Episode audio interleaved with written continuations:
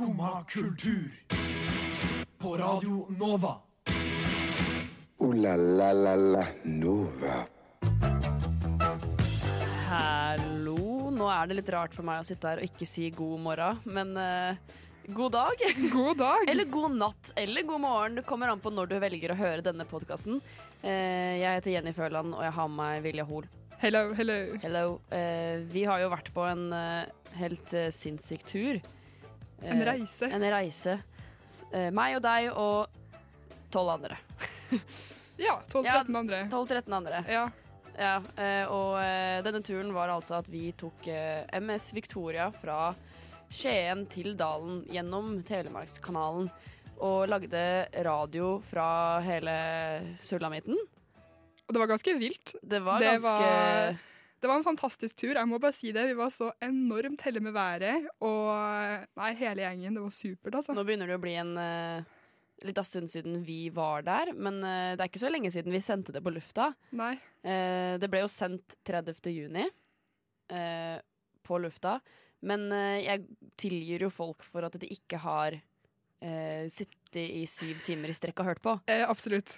Eh, så derfor så sitter jeg, der, jeg og deg her med, og lager den podkasten her med det beste som har skjedd i løpet av den turen. Ja, for det er litt enklere å høre sånn typ to timer da, enn sju timer. Ja. Så det her forventer jeg faktisk at folk orker å høre gjennom, for det Ja. er sykt mye godt vi skal få, Ja. Vi har- få servert. Helt sinnssykt uh, mye artig. Jeg kan jo forklare litt hvorfor vi har gjort det her, da, kanskje. Ja, Hvorfor det kan var vi på den turen? Ja. Uh, jeg har jo jobba i Telemarkskanalen i eh, Det her blir mitt tredje år i kanalen. Jeg jobber jo der i år òg. Begynner å bli erfaren. Ja, nå begynner jeg å bli erfaren. Mhm. Eh, og siden jeg har vært med i Skumma, så har jeg snakka mye om det.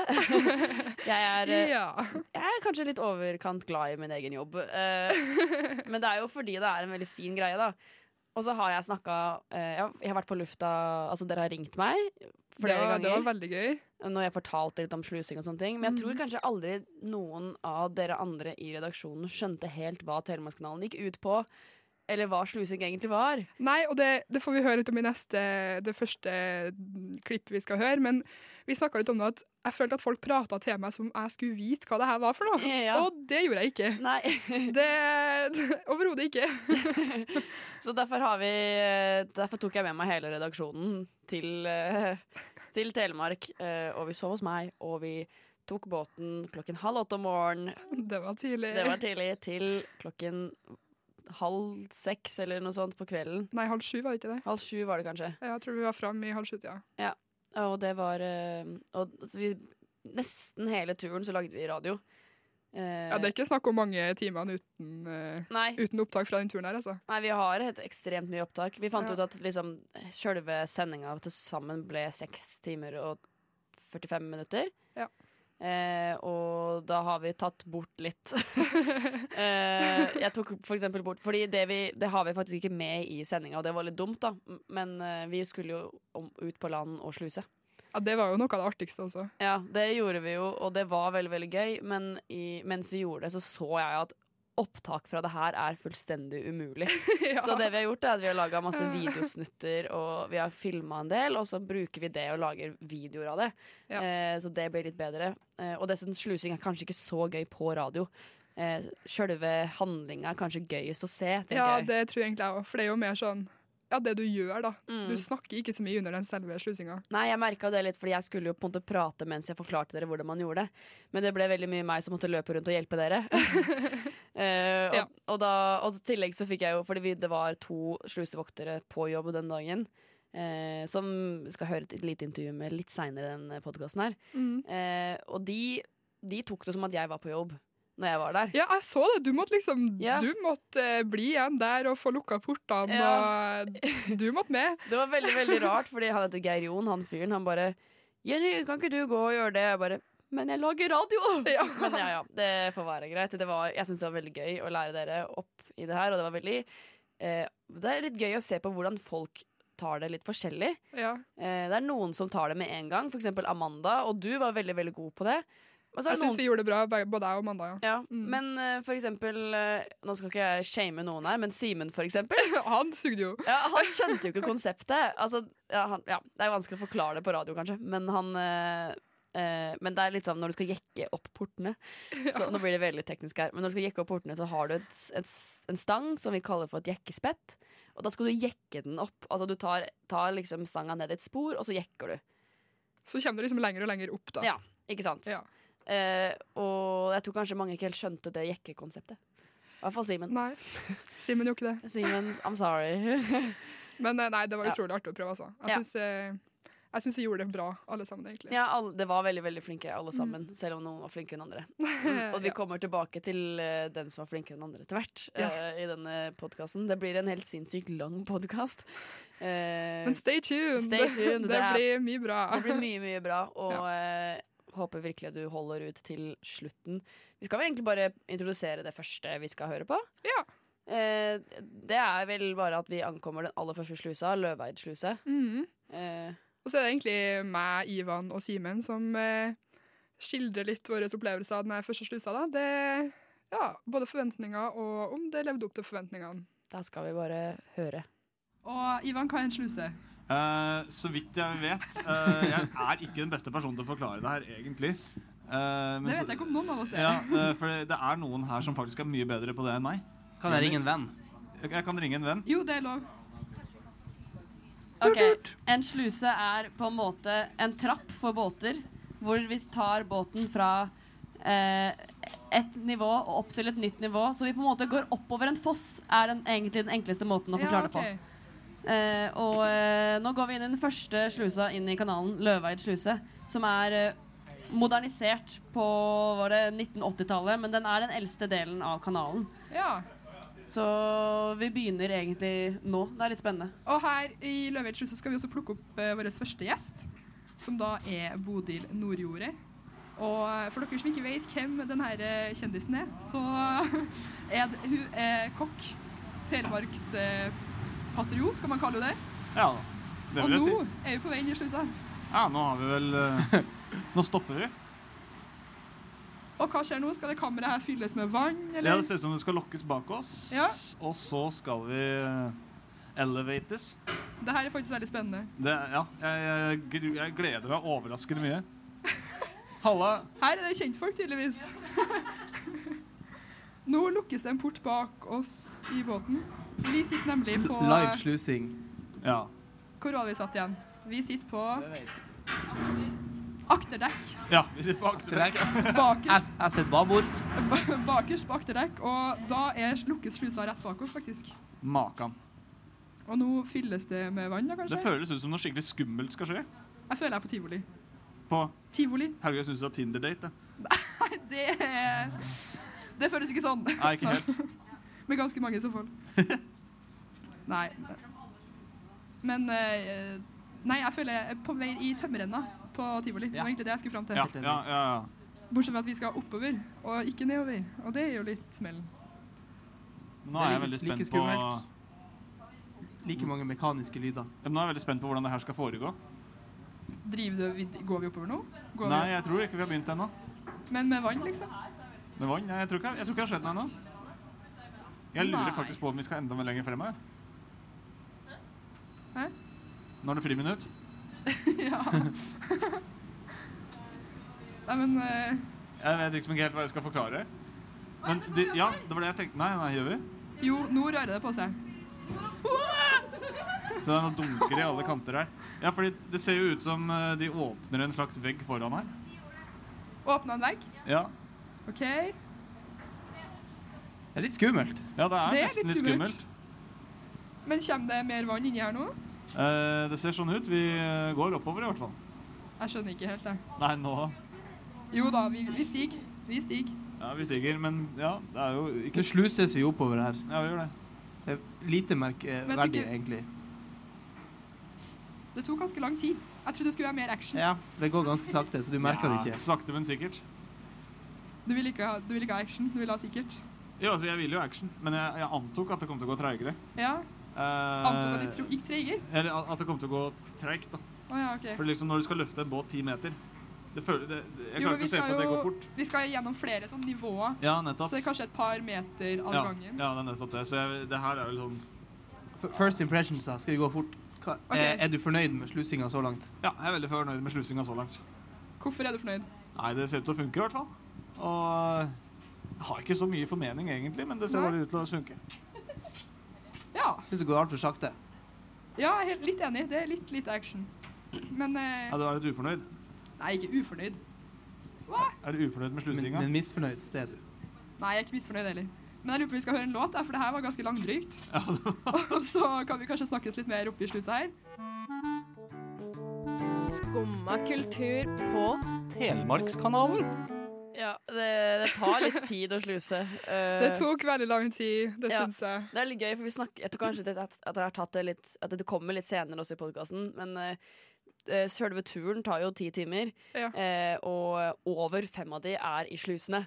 Hæ? Fem timer i slusene? Ja, fordi det, Å, over halve turen er i slusene. Det tar sinnssykt lang tid å sluse. Så hvis vi bare hadde kjørt båten og straka veien forover, så hadde det brukt sånn Fem ja, fem timer? Ja, ish. Å, herlighet. Men det er jo slusinga som er eh. opplevelsen, da. Selv om det er veldig fint landskap etter hvert. Nei, men altså, det var gøy å være i slusa. Altså. Ja, Det første møtet vårt eh, med slu... Altså, fordi Løvardsslusa er jo en haudraulisk, tror jeg det heter. Haudraulisk sluse Ja, i hvert fall det er eh, Moderne. moderne. Det er strøm og knapper og sånne ting, så du, du Det er ikke et fys, det er liksom fysisk arbeid som det er på de andre slusene. Mm. Eh, Løveid og Skien slusa er sånne sluser. Eh, Ja. Men vi gikk jo ikke gjennom Skien sluse. Vi gikk bare gjennom uh, Løveid og de andre i kanalen. Ja. Men uh, vi fikk jo etter hvert uh, Vi har jo hatt veldig mye besøk langs denne turen. Det var ikke Ja. bare oss, vi hadde jo masse gjester også. Det var kanskje det som jeg syntes var mest stas kanskje med hele turen. Ja, det var så gøy at de hadde lyst til å bli med på Ja, noe sånt her. Og det er litt gøy, fordi jeg, eh, jeg har vært eh, Jeg og deg og Maren har vært litt sånn ansvarlig litt for det å booke folk og sånn, og det er ingen som har sagt nei. Nei, det er ikke det. Nei, Det er Ingen som har sagt bare nei ja, takk. Alle sa ja. Jeg skjønner jo det, det er jo et morsomt konsept, da. Altså, Vi har jo ikke spurt så himla mange heller, men Nei, vi har jo ikke kunnet trengt det. Fordi folk har hatt lyst til å bli med, og det er jo mm. supergøy. Folk liksom lagde eh, tid og bare Ja ja, det her gjør vi, det er gøy. Mm. Eh, sånn som eh, Bodil Nordjordet, da, som, vi hadde, som er den første gjesten vi hadde. Hun hadde jo egentlig ikke tid, Nei, for hun skulle på noe annet på kvelden. Hun skulle være noe sånn server etter ja, hun, på skulle ha, hun skulle ha maten på en eller annen konsert eller noe for sånn Ja. mange folk. Eh, og da og hun bare Ja, men vi får det til. Vi kan Ja. finne et tidspunkt. Og, så, Jeg på morgenen. og det flotte med den turen her er at man kan jo gå på et sted og gå av et annet sted på et tidsrom, og da Ja. ble det jo veldig Da passa det fint med Bodil. Ja. Eh, og eh, hvis ikke du vet hvem Bodil Nordjord er, så burde du google, for du har sett ansiktet hennes, garantert. Garantert. Men eh, det er ikke sikkert du trenger det heller, for det kan godt hende at du kjenner henne igjen på måten hun prater på. Fordi det er ganske, hun er ganske kjent for den eh, dialekta si. Eh, hun er jo en kokk som eh, har vært på mye TV før. Ja. Eh, F.eks. Camp Senkveld og sånn. Mm. Eh, og der har de jo på en måte brukt dialekta hennes som et virkemiddel for konkurranser. Da. Og det gjorde jo vi òg. Det gjorde jo vi òg. Ja, Eh, Måtte jo det. og eh, vi har tatt med, når hun prater litt om, eh, om tradisjonsmat, da, for det er jo det, hun driver med. Ja, Hun er jo kokk og samler oppskrifter og Ja. Ja. Tradisjonsmat. rett og slett. Tradisjonsmat hovedsakelig. Eh, jeg tenker, Skal vi bare høre på det? Vi kalte deg i stad en telemarkskokk-patriot. Kan du si at du er det? Ja, jeg er, jeg er faktisk utnevnt i statsbudsjettet som statsbudeie. Statsbudeie? Ja, jeg er den eneste i Norge, the one and only. Oi, herre! er- Statsbudeie, Ja. er det en uh, Det, Det er en sjavoppretta stilling. Nei, jeg ble tildela jeg ble tildela statsstipendiat i Ja. 2015 Ja. fordi at jeg har arbeidet med norsk matkultur i hele mitt liv. Ja. Og skrevet ti matkulturbøker. Og er lektor Ja. i norsk tradisjonsmat. ja. Uh, og har reist land og strand rundt og samla inn gamle, ærverdige oppskrifter. Møtt mange. Mm. Jeg sier jeg har embetseksamen i pedagogikk i ene hånda, og så jeg sliter ut fire kjevler med den andre. Ikke sant? Så jeg kjenner at jeg står veldig støtt både i det akademisk-vitenskapelige landskapet og i det praktiske. Ja, det, det Wow. tror jeg på. Og da er det, da er det ikke så mange av oss. Jeg er nokså aleine, for å si det så. Vil du si at det er ensomt når du er den Ja. eneste? Ja. Kunne ønske det var flere? Ja. Men jeg hever så mange der ute. Ja. Og eksempel i 2014 så ga jeg ut uh, den store lefseboka. Ja. Eh, og den ble jo kåra til årets kokebok i 2014 Var det kun lefseoppskrifter? Ja. fra hele landet. Ja. Og nå er ti stykker av de som var med i boka, de er nå døde. Nei. Så det er liksom, det sier noe om at du Herlig. Det sier noe om at jeg arbeider med et materiale som eh, jeg, jeg, jeg rekker det akkurat. Jeg rekker det akkurat før det er for seint. Ja, ikke sant?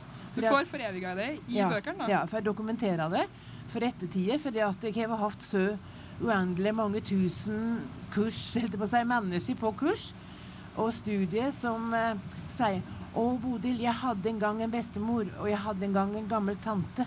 Og mora mi, men jeg rakk det aldri. Jeg rakk aldri å lære det. Nei. Så det er for meg å på en måte være den brobyggeren mellom de som hever kunnade, og de som kommer etter oss for å lære, det er min viktigste rolle. Å formidle kunnskap. Ja. Men hvordan, eh, hvordan jobber du da når du reiser rundt i landet og samler inn disse oppskriftene? Ja, det er jo ei ære eh, hver gang, fordi at eh, de som vet, de som driver med det, vet hvor mye arbeid det er. Eh, og de kaster ikke perler for svin. Det gjør de ikke. Så derfor er det like hjertegodt hver eneste vende jeg ringer til noen og spør om jeg kan komme. Så er det 'Hva kommer du til meg?' Ja. De glad? Ja. Ja. For da har du knekt koden. Du har løst den formelen, for jeg veit så inderlig vel at jeg har arbeidet minst like mye som deg Ja. for å få det til. Og da, da har du kommet på innsida før du rekker å blunke. Og Derfor så får jeg tilgang på kunnskapen som er altså den regionale variasjonene, for det er jo det det handler om i Norge. Norge burde vært et land der du fikk en, utdelt en billett når du kom på grensa, som var velkommen til en nasjonal reise. Fordi at vi har så mange flotte, stolte tradisjoner. Vestlandet, Østlandet, Sørlandet, Innlandet, Midtlandet, Trøndelag og Nord-Norge.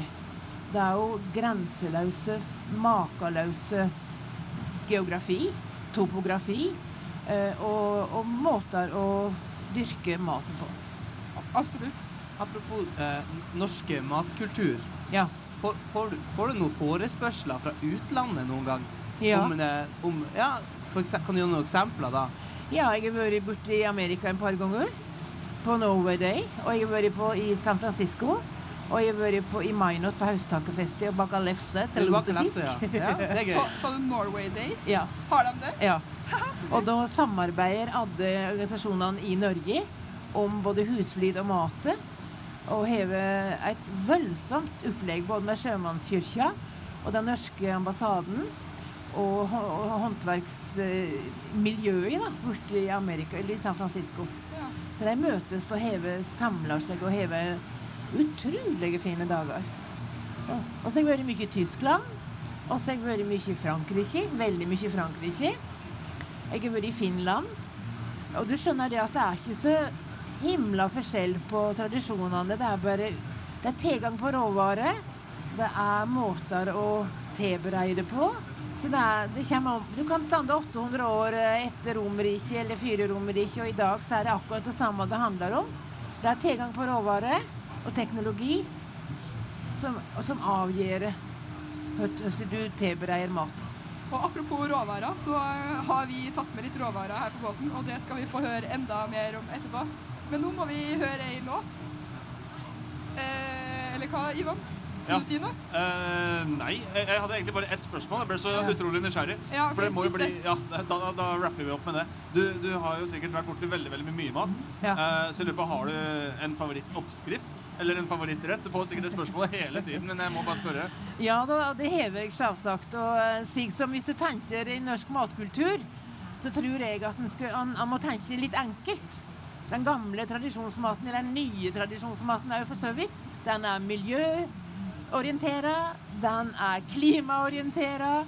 den er tufta på de råvarene som du har tilgang på. Og her i Telemark så har vi tilgang på veldig mye fint lammekjøtt som beiter på heiet og utnytter kulturlandskapet og pleier det som gror atter. Og det gjør at vi drar hjem til den beste råvara om høsten. Så det å salte og tørke og eventuelt røyke lammekjøtt og grisekjøtt og koke kjøttstupe med gryn og erter, det har jo vært festmatet framfor noe annet helt til vi fikk støpejønskomfyren, som ikke kom før på slutten av 1800-tallet. Og så er det selvsagt det at når vi bor her ovenfor og får en sprell, livende kveike, kreve, store fiske ut av et fjødvann, som er så rød at det koker, og får den rett i panna, så er det selvsagt at jeg på fjødet og får tilgang på det, så er det jo det jeg vil ha. Og da kan jeg ete opp den fisken der og da. Det høres, ja, det høres så godt ut. Ja. Og med det så tror jeg vi må høre en uh, låt. Vi, uh, vi prater mer med deg etterpå, Bodil, og da skal vi også ha en konkurranse. Her får du Baby Blue av uh, Lokoi. Uh, vi skal ikke høre Baby Blue. Du får Blue. ikke Baby Blue, dessverre. Dessverre. Du får oss i stedet, Ja. som håper er bedre. Ja. Uh, vi burde jo egentlig hatt en sånn eh, ordbok som vi delte ut sammen med den podkasten her. Tror jeg. Ja. Fordi man sitter med noen par spørsmål, spørsmål Et, et par spørsmål underveis. Men eh, jeg syns det er egentlig veldig deilig å høre sånn dialekt. Og det er jo veldig gøy og liksom når du sitter faktisk og bare Hva var det hun sa nå? Ja. Hva betyr det der? Og så, i hvert fall jeg personlig da, konsentrerer meg veldig for å høre hva Mm. hun sier, så da får du jo med deg. Og hun har jo masse artig å fortelle. Hun er jo superengasjert i det hun driver med. Og Ja, hun er jo kanskje et av de aller beste intervjuobjekta som fins.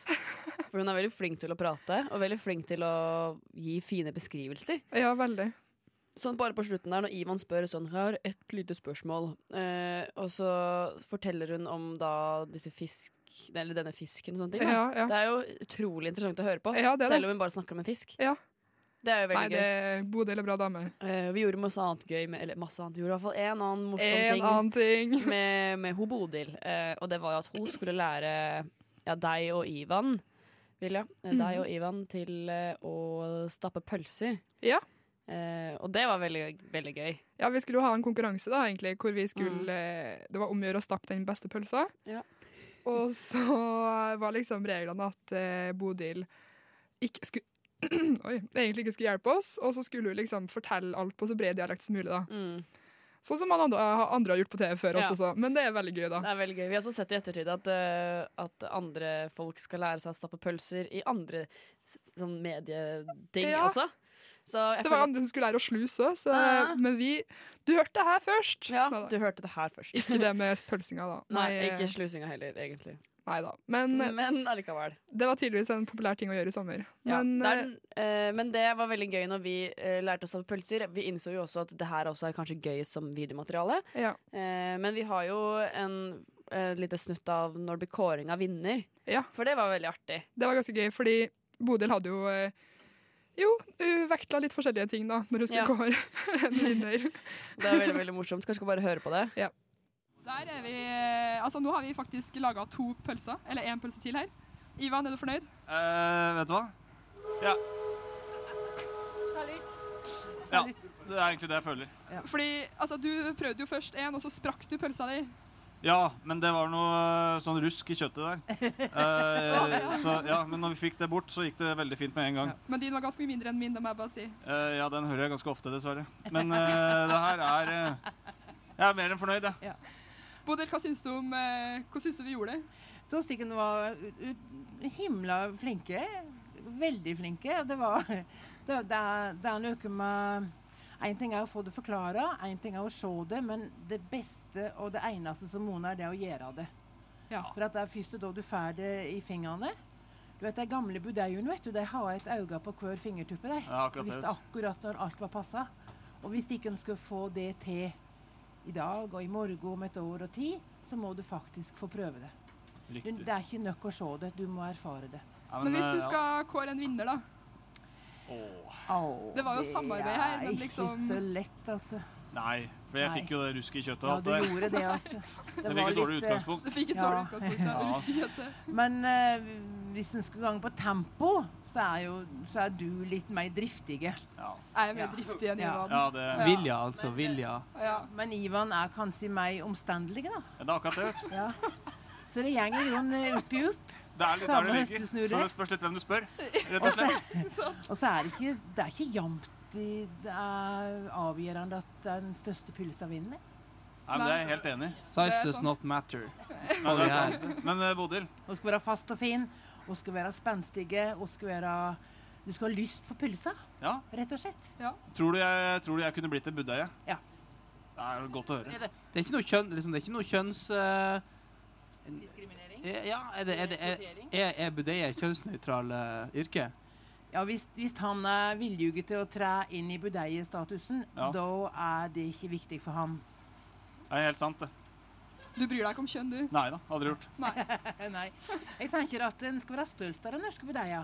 Ja. Den står for renhet, den står for forholdshusholdning. Den står for kulturen, for tradisjonene, for kunnskapen.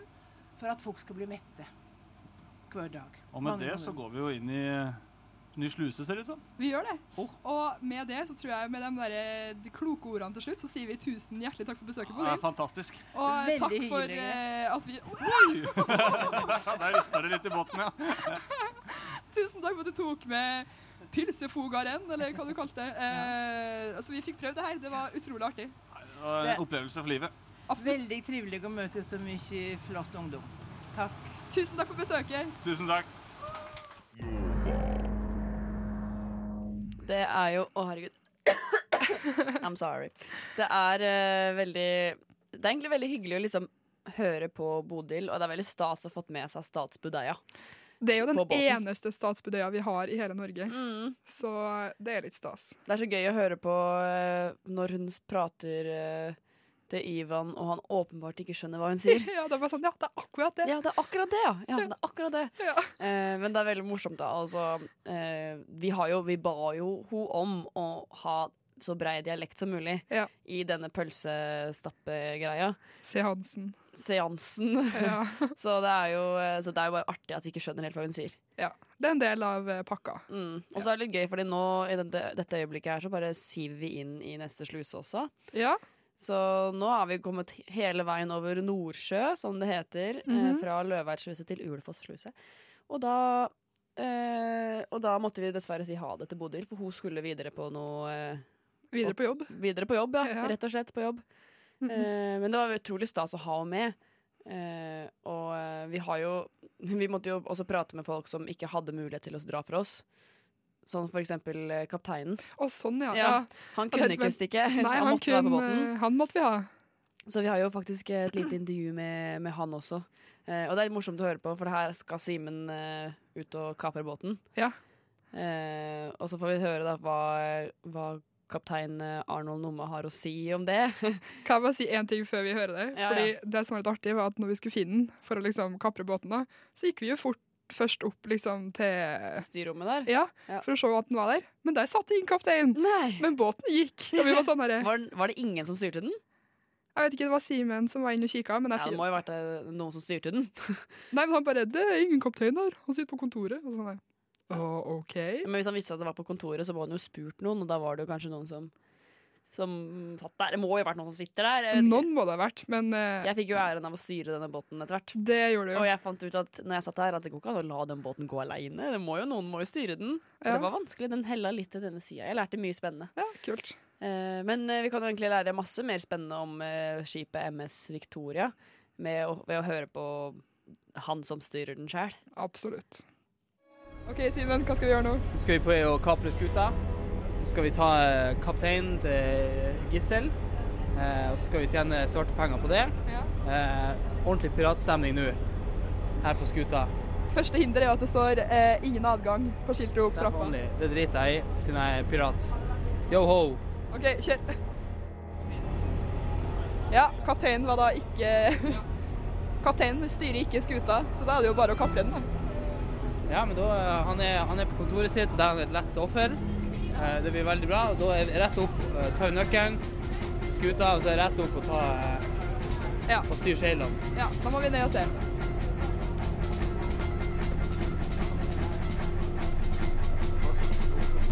Er det kontoret? Hæ, nei.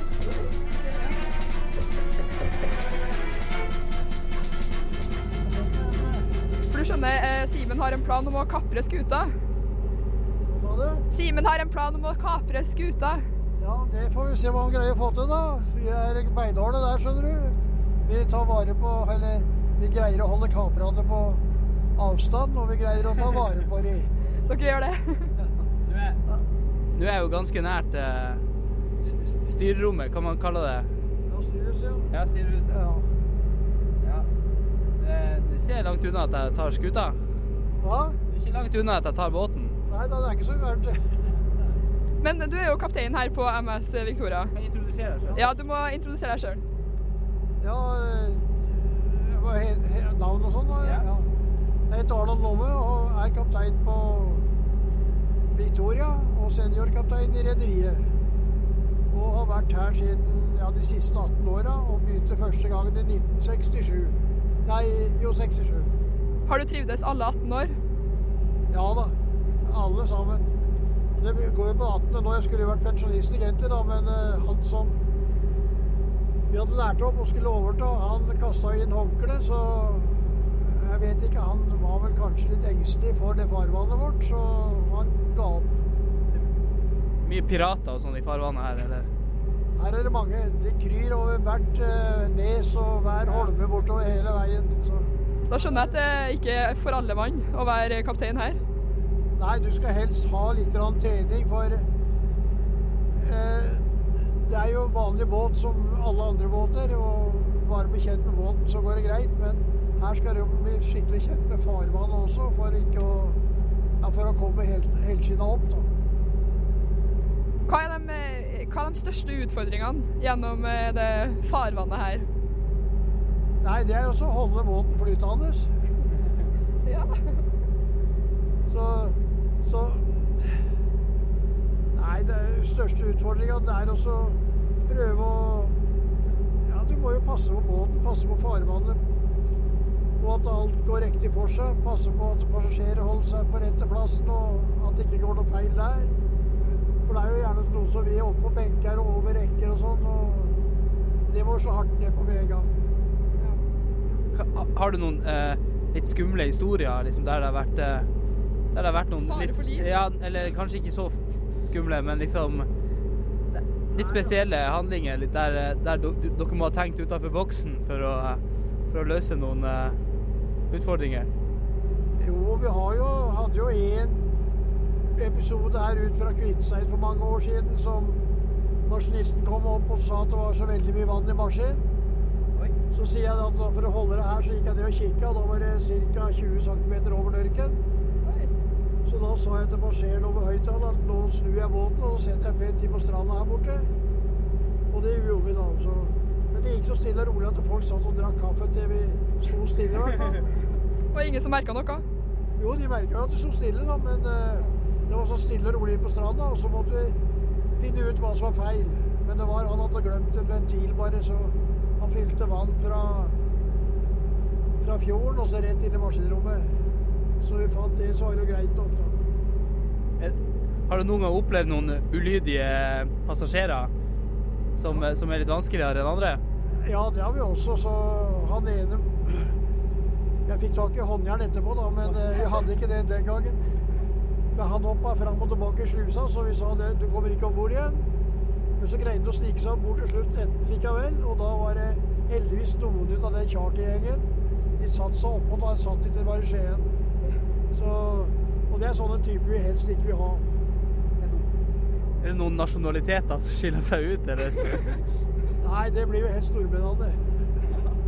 Men jeg lurer De fleste norske er jo veldig veldig ålreite, men du har én i en gruppe kanskje, og det er nok til å ødelegge for alle sammen. vet. Så det er stort sett veldig hyggelige folk, alle som reiser på den turen her i hvert fall. Men på denne turen fra Skien til Dalen så er vi innom åtte forskjellige sluser. Nei, sju. Ja, ja. Har det noen gang vært noen ulykker i slusene? Vi hadde noe for noen år siden, så var det noen som ramla av eh, Eller ramla ned i slusa, men det gikk jo heldigvis bra, det også, da. En person? Ja, det var ei jente. Hvordan, eh, hvordan skjedde det? Nei, de fulgte ikke ordentlig med, så gikk jeg rett ut. Vi rakk ikke å legge ut landgangen før hun skulle hoppe på land av moras skyld, da. Ja. Men det gikk jo veldig bra, heldigvis. Ja. Nei, det er godt å høre. Vi har hørt rykter om at de har funnet en del sånn døde dyr og sånn i slusene. Ja. Vi har hatt både rådyr og svære åler som har eh, blitt slått i hjel av slusen og es her opp. Og vi har funnet bevrer, og det har vært eh, røys... Ja, ikke røyskatt, men sånn grevlinger. Og, så det er, det er en del de har funnet etter hvert, altså. Og en elg var det beste, største. En elg? Ja. Får håpe det ikke kommer så mange elger i løpet av eh, sommeren i år, da. det, er ikke, det er ikke ofte det skjer, da, men det, i løpet av alle de åra så har det skjedd noen ganger. Har du noe mer du vil eh, spørre om, Simen? Eller skal du gå og kapre skuta? Nei, jeg må jo eh, Det er jo håndjern på båten nå, så da kan jo, da kan jo jeg sette deg i håndjern, og så kan du kapre Ja. skuta. Nå har vi en plan. Så det er bare å passe seg. Har- Nå hørte jeg ikke hva du sa. Nei, det er bra, for det var en hemmelig plan. Hvor du, hvor du har håndjernet henne? Nei, de har jeg trygt gjemt. Okay. Tusen takk. Tusen takk, tusen takk. Det er veldig gøy. Arnold, som er kapteinen, han er jo en veldig søt og snill mann. Veldig søt kar. Eh, og så er det gøy når han sitter og forteller om eh, håndjern og, og sånn. han er jo en veldig snill mann, og eh, han passer den båten veldig bra. Han har jo kjørt den båten i himmelen mange år, han sa jo det sjøl. Ja. Var det sånn 1967 eller noe? Begynte han. Ja. Det er lenge siden! Ja, det er ganske lenge siden. Herregud. Eh, Ja, ja. Eller nå ble jeg litt usikker på om det var faktisk det han sa. Men han sa noe sånt. At han hadde vært der veldig mange år. Ja. Eh, og så har jo rederiet der har jo en sånn eh, greie at de deler ut en klokke til de som har vært der så, og så mange år. Og sånn Og han har fått sånn klokke, sånn veldig fin sånn gullklokke. Ah. så han har i hvert fall vært der mer enn 30 år, tror jeg. For jeg tror det er 30-årsmerket, liksom. Er det ikke 50, da? Sånn gullklokke. Ja, han er jo ikke gift med båten, da. Det er jo ikke sånn bryllupsgreie. Det er ikke sånn gullbryllup, liksom. Nei, nei, nei, jeg vet ikke. Ja, men eh, ja, ja. Han har klokke, iallfall. Han har i hvert fall klokke. Det er veldig hyggelig å høre han prate om, eh, om båten sin, for han er jo veldig glad i den båten. Mm. Eh, Og så er han veldig flink til å, til å prate om det. Det, er jo, det er jo en kaptein til på den båten, han heter Roy. Han er jo veldig flink, han også. Men jeg tror Arnold er den beste kapteinen vi kunne hatt den dagen fordi han er så glad i å prate om det. Ja, men det er bra. Så altså, Ikke noe slemt mot Roy, Roy er en veldig fantastisk mann, han òg. men, eh, men Arnold er veldig flink, da. Ja. Eh, vi har jo snakka mye om eh, Telemark gjennom hele denne turen. Vi snakker jo stort sett bare om Telemark. Ja. Men vi holder oss veldig lokalt. Det gjør vi. Eh, veldig til liksom Ulefoss og Eidsfoss og Vrangfoss og alt det der, liksom alle slusene. Mm. Eh, men vi hadde faktisk en liten del hvor vi prata litt om eh, stort sett Kragerø. Fordi det var Maren som Ja. Prata litt om at det ble spilt inn en del reality-serier i Kragerø. Og vi er jo veldig glad i reality. Veldig glad i reality. Vi har jo hatt en hel reality-sending Ja. med bare reality-prat. Eh, meg, deg og Maren. Og eh, Maren hadde veldig lyst til å prate litt om reality, og eh, Jeg skjønner det. skjønner jeg veldig godt. Jeg fikk streng beskjed om at Vilja, du får ikke lov til å si noe om reality, for det skal jeg gjøre. Ja, Jeg jeg fikk okay. det, jeg òg. men eh, Maren hadde masse, masse interessant å si om, eh, om reality. Fordi det, kanskje forklare litt det, da. At eh, vi hadde jo team eh, gjennom hele turen. Mm. Eh, og alle sammen var satt inn i et team, og så hadde man to, ish to timer hver. Mm. Eh, og eh, nå i den turen her, for det her blir jo kronologisk gjennom hele kanalen, Ja. nå så ha, har vi bytta team. For det første var det deg, Simen og, Og Ivan. og Ivan, ja. Eh, og nå er det Maren, Melinda og André. André er fra frokost, og Ivan er fra frokost. Det har jeg faktisk ikke nevnt, men det er veldig veldig gøy at vi har fått med oss folk som Ja, eh, ikke er med i Skumma. det er veldig artig at de har lyst til å bli med. Ja, vi bare tok med oss noen andre mennesker fra Dunova, så Ja. tusen hjertelig takk for eh, Ivan og André fra frokost. Og så får vi presentere dem andre senere. og så presenterer vi de andre når de blir med. Ja. Eh, så akkurat det stikket her så er det eh, Maren som eh, sitter sammen med Melinda og André og prater om reality i Kragerø. Eh, Veldig gøy. Bare, bare å høre på det.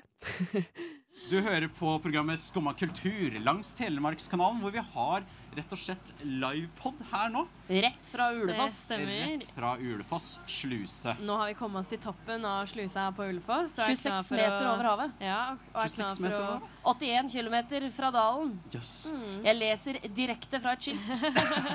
24 km fra Skien. Ja. Rett og slett. Eh, nå, nå har det seg sånn at eh, det er litt reality jeg har forstått det, som blir spilt inn her i Telemark. ja, det stemmer. Eh, Jeg er jo en sucker for reality, da, så det er veldig stas, syns jeg. Ja, ikke sant? Eh, det er ikke så mye oppover i indre Telemark. Eh, Kanskje litt sånn eh, Jakten på kjærligheten og sånn. Men eh, i Kragerø, som jeg er fra, så spilles det inn ganske mye reality. Eh, for det første så spilles Camp Culinaris inn der hvert eneste år. Åh, Har dere sett det? jeg elsker matprogrammer. Ja, har du sett Ja, ja. Camp Culinaris? Nei, jeg, jeg, jeg, har sett, jeg, jeg, jeg har ikke sett Jeg har så vidt sett det. Men, jeg, Ja. har ikke, men jeg elsker matprogrammer på et generelt plan. Ja, du burde se Camp Culinaris. Spilt inn på Portør i Kragerø. Ja. Eh, veldig, veldig flott eh, location. Eh, I tillegg jeg har ikke sett Camp Culinaris, men se, jeg, jeg, jeg ser for meg Masterchef, og der er det jo inne. Det er jo samme hvor det hadde vært. på en måte Eh, nei, da, det, spilles, det er masse av det som spilles inn ute. er Veldig mye Ah. eh, miljø eh, også. Og så spilles det inn på en eh, restaurant som har, eh, ja, ligger liksom ytterst i havgapet. da. Jeg skjønner at det blir det spilt inn her pga. miljø, fordi det er jo helt fantastisk. Altså, Den naturen som vi har sett så langt eh, langs kanalen her, har vært helt fantastisk. Telemark er et uh, fylke som, eh, som har veldig mye fin eh, natur. Og Ja, i tillegg absolutt. så er det som er litt spesielt med Telemark, er at det også har veldig mye historie. Og, um, og fremdeles uh, ja, ta vare på den historien, uh, sånn som kanalen f.eks. Og Telemark har egen slakter og veldig mye liksom av det gamle. Og det passer veldig fint fordi at Farmen spilles også inn i Kragerø nå i sommer. Ja. I eh, Lundereid, som det heter, inne i skogen utenfor Kragerø. Og de har, de har også spilt inn i Kragerø en gang før, så, eh, på Tukkevannet. Så det mm, er eh, også liksom en location da, som, eh, som eh, brukes mye til eh, Jeg synes- jeg synes- Farmen og annen Kragerø falt i smak, rett og slett. Jeg For syns det, er- Farmen-gjengen. jeg synes det er litt morsomt, fordi du, du nevner jo mange stedsnavn som jeg ikke har peiling på hvor er i hele. Så jeg prøver liksom i hodet mitt nå eh, plassere disse stedene. Eh, men eh, hvor, hvor, i forhold til hvor vi er nå langs Ulefoss, er, det, Mm. hvor, hvor i, er dette her? Eh, Kragerø ligger jo lenger syd i Ja. Telemark, eh, Ja. og Lundereid og, og disse stedene ligger eh, ja, mellom Kragerø og Drangedal, i Forse. Ikke sant? Litt vanskelig å forklare. her, André. Eh, men eh, men eh, Jeg prøver veldig hardt. eh, ja, lenger sør for Ulefoss, da, inn i skauen der, eh, ligger det. Eh, I tillegg så spilles også eh, eksempel sånne ting som Camp Senkveld og sånne ting spilles ofte inn i Kragerø. Det er veldig populært å bruke Kragerø som eh, location. Det er en veldig fin plass, mye folk på sommeren. Og, og eh, har jo denne flotte historien til eh, Telemark. Kragerø er eh, en av landets eldste byer. 353 ish år. Ja. Det er bra nok for meg. Jeg, jeg vet at den eldste er Tønsberg. Det vet ikke jeg òg. Det stemmer. Det er Tønsberg. Det, Det ligger i Vestfold. Der er jeg fra. Det er ikke Telemark, så vi skal ikke snakke om Vestfold nå. Telemark er i hvert fall eh, ja, et sted Ja. med mye historie, mye flott natur, og da er det veldig veldig bra å spille inn eh, TV her. da. Hva er ditt personlige favoritt, eh, din favoritt, favoritt eh, reality? Favorite reality program på Eh, på, Fra fra Telemark, da. Telemark, da er det nok eh, Farmen-innspillingen som, eh, som er her. Jeg er veldig dårlig til å følge med på reality til vanlig, egentlig. Det er liksom Paradise Hotel eller et par, eh, par matlagingsprogrammer. Men ikke Camp Culinaris, med andre ord. Se Camp Culinaris og følg med på reality, for reality er livet. Det er vel det. Men jeg har lyst til å se eh, Paradise bli spilt inn her. Det har vært litt morsom eh, vri på det. Kanalen, ja. Norsk det versjon eh, i, no- i Norge. ja. Eller får meksikanerne hit? Meksikansk Paradise Mexican fra Telemarkskanalen. Telemark. Ja. Jeg eh, kan bo, bo på skip og kjøre opp og ned kanalen. Ikke sant? Pandoras eske på Løveid sluse og sånn. Å, herregud, det her er beste ideen jeg har hørt på veldig, veldig lenge. Nå spinner gode ideer her. Det syns jeg virkelig. Nå er vi i gang. Ja-fase. Ja-fase. Ja, ja-fasen er eh, absolutt det. Nei, så, så, det er, det er ikke, så det er ikke enorme mengder med reality. da Sånn som Paradise Hotel sånn, eh, spilles inn i Mexico, Ex on the Beach på Mauritius. Så det er, det er ikke så mye. Men de kunne kanskje spilt inn på Jomfruland, f.eks. Neimen, hva står sjarkes ut på blåa? Nei, hva i farsken, det er jo skum av kultur. Hverdager fra 9 til 10 på Radio Nova. Du må huske å beise den! det hadde vært uh, veldig gøy å ha et Paradise Hotel på Jomfruland. Det hadde vært veldig gøy, faktisk. Men uh, det hadde jo vært faktisk veldig veldig gøy, uh, så jeg håper det skjer. Hvorfor gjør de ikke det? Eh, det Come on. Come on! Ikke vær i Mexico, bitches. Vær her i vakre Telemark. Yes. Men eh, det har jo vært veldig Det er jo eh, ja, Vi er jo glad i reality. Veldig glad i reality. Mm. Eh, så vi måtte jo presse inn litt reality-prat. Vi måtte jo det. Og vi hadde jo mer enn nok timer å ta av, så det, Ja. jeg synes det, det, det tok ikke tid fra noe annet. Nei, og jeg synes det er, også i denne podkasten syns jeg det er veldig fint å få dem med. Veldig, veldig, fint å ha dem med her Ja. Det er jo eh, bitte litt sånn eh, brudd fra alt annet. eh, sluse Ja, ikke sant? Det er viktig med mangfold. Litt forskjellig, Ja. litt forskjellig her. uh, men uh, vi går jo ganske hardt fra uh, reality-prat til veldig mye sluseprat igjen. Ja. Fordi vi hadde jo flere gjester om bord på denne båten. Mm. Vi hadde en ekspert som heter Mari Andersen Mari Haugland Andersen. I'm sorry. Mari Haugland Andersen. Eh, og hun kan helt ekstremt mye om telemarkshistorie. Ja, vet du hva? Det var så sykt mye informasjon som kom ut fra, det, fra hun dama der. ja, det er helt sykt mye. Hun, jobber, hun er jo min kollega i Telemarkskanalen når vi Ja. jobber der. Eh, men hun kunne overraskende mye. Ja. Eh, hun er jo så heldig å ha en mor som jobber med å være guide, da. Eh, Ja, ikke sant, ja. Så det, hun har jo diskutert litt med henne og fått lært mye av henne, da. Mm. Eh, og eh, vi har eh, bare et lite stikk på bare 11,5 minutt.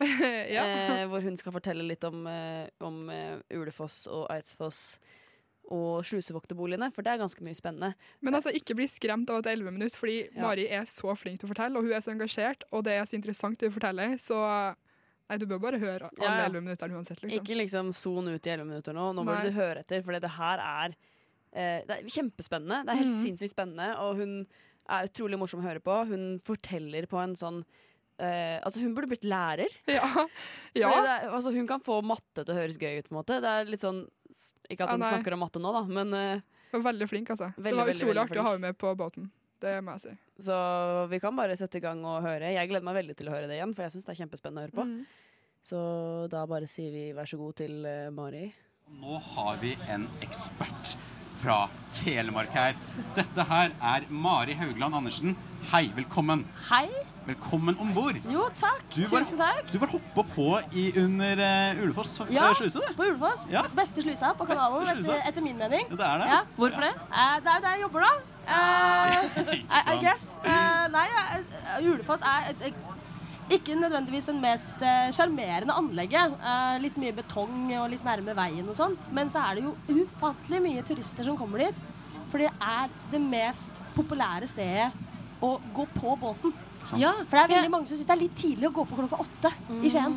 Men det som jeg, jeg lurer litt på, er For det er sikkert mange som hører på dette her akkurat nå, som ikke vet hva en sluse er. Ja, kan, kan forklare hva er det Uh, det er en veldig enkel måte å forklare det på er å si at det er en, uh, en heis for båter. Uh, hvor det har tidligere vært en foss. Og for å da gjøre det praktisk å komme seg opp og ned fossen, så har de valgt å, å demme opp fossen med en demning. Og så kontrollerer de vannet da gjennom den slusa. Vi, har jo allerede vært gjennom to sluser. Tre, to, tre slus... To? Dere har vært gjennom to, To sluser, ja. eh, men det er tre stykker nedenfor oss. så Jeg skjønner forvirringa. Ikke sant? Jeg greier ikke å telle, jeg. Nei, det er ikke så lett. Nei, Men hva er litt om bakgrunnen Jeg vil høre litt om bakgrunnen din. Du er jo fra Telemark. Hva, har du bodd her hele livet? Ja, jeg er eh, født og oppvokst her. Eh, I, I Bø, riktignok. Det er jo en kommune som ikke har noe tilknytning til Telemarkskanalen. Men eh, hele min familie er eh, født og oppvokst på Ulefoss. Eh, som da er eh, et lite tettsted her i Nome kommune. Eh, bare med knappe 2300 innbyggere. Eh, sted hvor alle kjenner alle. Ikke sant? Så ja, Lokalt. sted. Ja. Det er en del av sjarmen, det. Mm. Eh, det må jo si, Dere har jo en helt fantastisk natur her i Ja, det er veldig, veldig fint. Og det, det som er på en måte eh, så flott med, med Ulefoss, da, er at i tillegg til å ha så fin natur, så har de vært veldig flinke til å bevare eh, historiske bygninger da, eh, og, og kulturskatter. Og, og Telemarkskanalen i seg sjøl er jo en freda kulturskatt nå. Ble vel freda i 2017-2018, tror jeg. Eh, mens, eh, så det er flere steder på Ulefoss hvor man også kan se historiske bygninger da, fra tilbake i tid. Ja, Vi kjørte jo akkurat forbi en sånn historisk bygning. Ja, det var, det var Ulefoss hovedgård. Det var jo en Eh, svær, det var en nydelig, flott, kjempesvær hvit gård som vi bare Mm. skimta sånn på toppen av et svært jorde med ja, Ja, gresslette. veldig svær, ja, veldig svær og flott eh, villa, nesten. vil Ja, man det si. så jo ut som en villa. Med, med sånne eh, søyler og en sånn svær kuppel og diverse. da. Og så sies det at det var Napoleontidens arkitekturiske hovedverk i Norge. Ok, det så det var, altså, det var altså det beste arkitektoniske verket i hele Norge under napoleonstiden. Det er heftig. Ja. Var her på Ulefoss. Ja. Og det, det som er så gøy med den bygningen Jeg får veldig mye spørsmål om den bygningen fordi de som kommer til Ulefoss sluse, har gjerne Ja. lagt merke til den. da Ja, for du ser den jo veldig godt der oppe. Mhm. Det er en veldig fin plassering i forhold til hvor slusa ligger. Ja. Jeg også lurer på det sånn, hvem, hvilken konge var det som bodde der? Ja, Liksom? det, det kan man fort tenke. Og fordi her på Ulefoss så har det vært da eh, to store adelsfamilier som har vært liksom i fokus. Eh, som har vært bosatt på hver sin side av, av slusa, av kanalen. Og da har det vært Cappelen på den ene sida, som har eid eh, Ulefoss jernverk, som er kjent for kumlokka sine. Eh, og det, er, det kan man faktasjekke meg på. At bare du går en tur i Oslos gater, f.eks. Jeg Se på kumlokk. Der- Jeg ser det hele Ja, det? det står Ulefoss på Ja. kumlokket. Ja. Det gjør det. Jeg bor på Smestad i Oslo. Jeg vet ikke om noen her vet hvem det, hvor det er, men allikevel. Der. Er, er, det, Der er det Ulefoss. Står på alle kumlokkene. er, det, det, er det altså de som står liksom 40 på? 40-kumlokka, de er eh, fra Ja. Ulefoss? Ulefoss på de? Ja, de aller fleste kumlokk eh, i Norge, og egentlig rundt om i hele verden, er produsert her på Ulefoss jernverk. Jeg er alltid liksom, Det er en sånn greie som fra barne- og ungdomsskolen at uh, man spøkte med at man ikke skulle tråkke på 40-kumlokk. Ja, så måtte du bli banka i ryggen. Ja, du måtte bli banka i ryggen. Fordi uh, det betydde ulykke hvis du tråkka på det. Ja, ja. Så, ja, for jeg unngår fortsatt uh, 40 kumlokk den dag i dag. Og, og tenker at, eh, at den burde jeg hoppe over, for hvis ikke så betyr det altså ulykke. Ja, men da vet du i hvert fall, da kan du takke kapperen for de kumlokka. Ja, det skal jeg gjøre. Takk, Men hva var det han eh, andre familien? Han, han, den andre familien var eh, adelsfamilien Aall. Og de, de bodde egentlig på Brekke gård i Skien. Mm. Eh, og eh, den mest kjente av disse adelsmennene var Nils Aall, eh, som er Eidsvoll-mann. Okay. Som var med på Eidsvoll i 1814 og skrev Grunnloven. Jo, takk til han. Og han er han som eier Ulefoss hovedgård. Å ja! Fordi Aall-familien dreiv med sånn treverksindustri på Ulfoss. Og så ville han ha et lite feriested her på Ulfoss som han kunne reise til med familien sin når han skulle være da. på fabrikken. Eh, og da blei Ulefoss hovedgård til. Så strengt tatt er det ei hytte. Så det enorme slottet vi ser, var ei hytte? Det var ei hytte! Det var jo et palass! Ja, Det er ikke lov å ha en så stor og fancy Ja. hytte. Nei, så de satt, de satt godt i det, da. Så det Ja, det kan- virkelig, virkelig uh... Snakk om velstand i Norge. Men hva er den brukes til i dag? Eh, I dag så eies den av Telemark museum. Eh, og så er det åpent for eh, publikum å komme på guida turer der på sommeren. Og så er det en veldig fin park der som man kan besøke helt gratis. Og noe museum, andre museumsgreier og ja. Mens du har fortalt denne historien her om eh, disse eh, adelsfamiliene, så har vi faktisk beveget oss fra Ulefoss sluse og til en ny sluse. Har Ja. du lyst til å fortelle litt hvor vi er nå? Ja, nå er vi ved Eidsvoll sluse. Det er eh, sluse nummer fire i rekka av åtte. Eh, Telemarkskanalen er jo en lang kanal. Eh, 105 km fra Skien til Dalen. Og totalt på den turen så løftes båten 72 meter over havet. Kan jeg bare beskrive litt kort hva som vi ser nå? For nå er vi jo i en, eh, i en liten sånn type grotte. Men hvor høyt er 72 meter? Er det sånn Har dere, har dere sett Skien? Har dere sett Skien? Ja, det er- er lenger enn armen min. har dere sett Skien kjerke? Den med de Ja. to spira? Den så vi. Den er 64 meter høy. OK. Så Ja. det er omtrent Skal løftes veldig høyt, da, med andre ord. Det er en Eller nei, 68. høy 68. bygning. God seg 68, så omtrent like høyt. Damn. Ja. Løftes mye i løpet av denne turen her. for å si sånn. Eh, Portene bak oss har luk lukka seg igjennom. Ja. Nå er vi fanga her. Nå kommer du ingen vei. Nei. Eh, men, og det som er så spesielt med Apropos løfting, da, med nettopp Eidsfoss, er at det her er det sluseanlegget hvor båten løftes høyest i ett kammer. Ja. For hver Er det sluse her vi er det, akkurat nå? Er vi inne i et kammer. Du kjører inn, og så er det porter foran deg, og så Ja. lukkes portene bak. Og da befinner du deg inne i det første slusekammeret. Så varierer det litt fra anlegg til anlegg hvor mange kammer det er, da, ut ifra hvor høyt de skal løfte. Er Sånn som Løveid og Ulefoss, som dere har vært igjennom nå, der var det jo tre kammer. Og der løfta det eh, meter på Løveid og 11 meter på Ulefoss. Her løfter det også ti meter, men kun på to kammer. Eh, og Eidsfoss er kjent for å ha den største sluseporten. Den er ni meter høy. Og fra porten og ned til vannet så er det en sånn eh, steinterskel, og den er enda to meter. Shit. Så totalt er det jo 11 meter da, fra vannet og helt topp. Det greier vi ikke vi å se herfra, da, fra det som er i Nei. fronten. For nå sitter jo vi i bakenden av båten, som har et ord.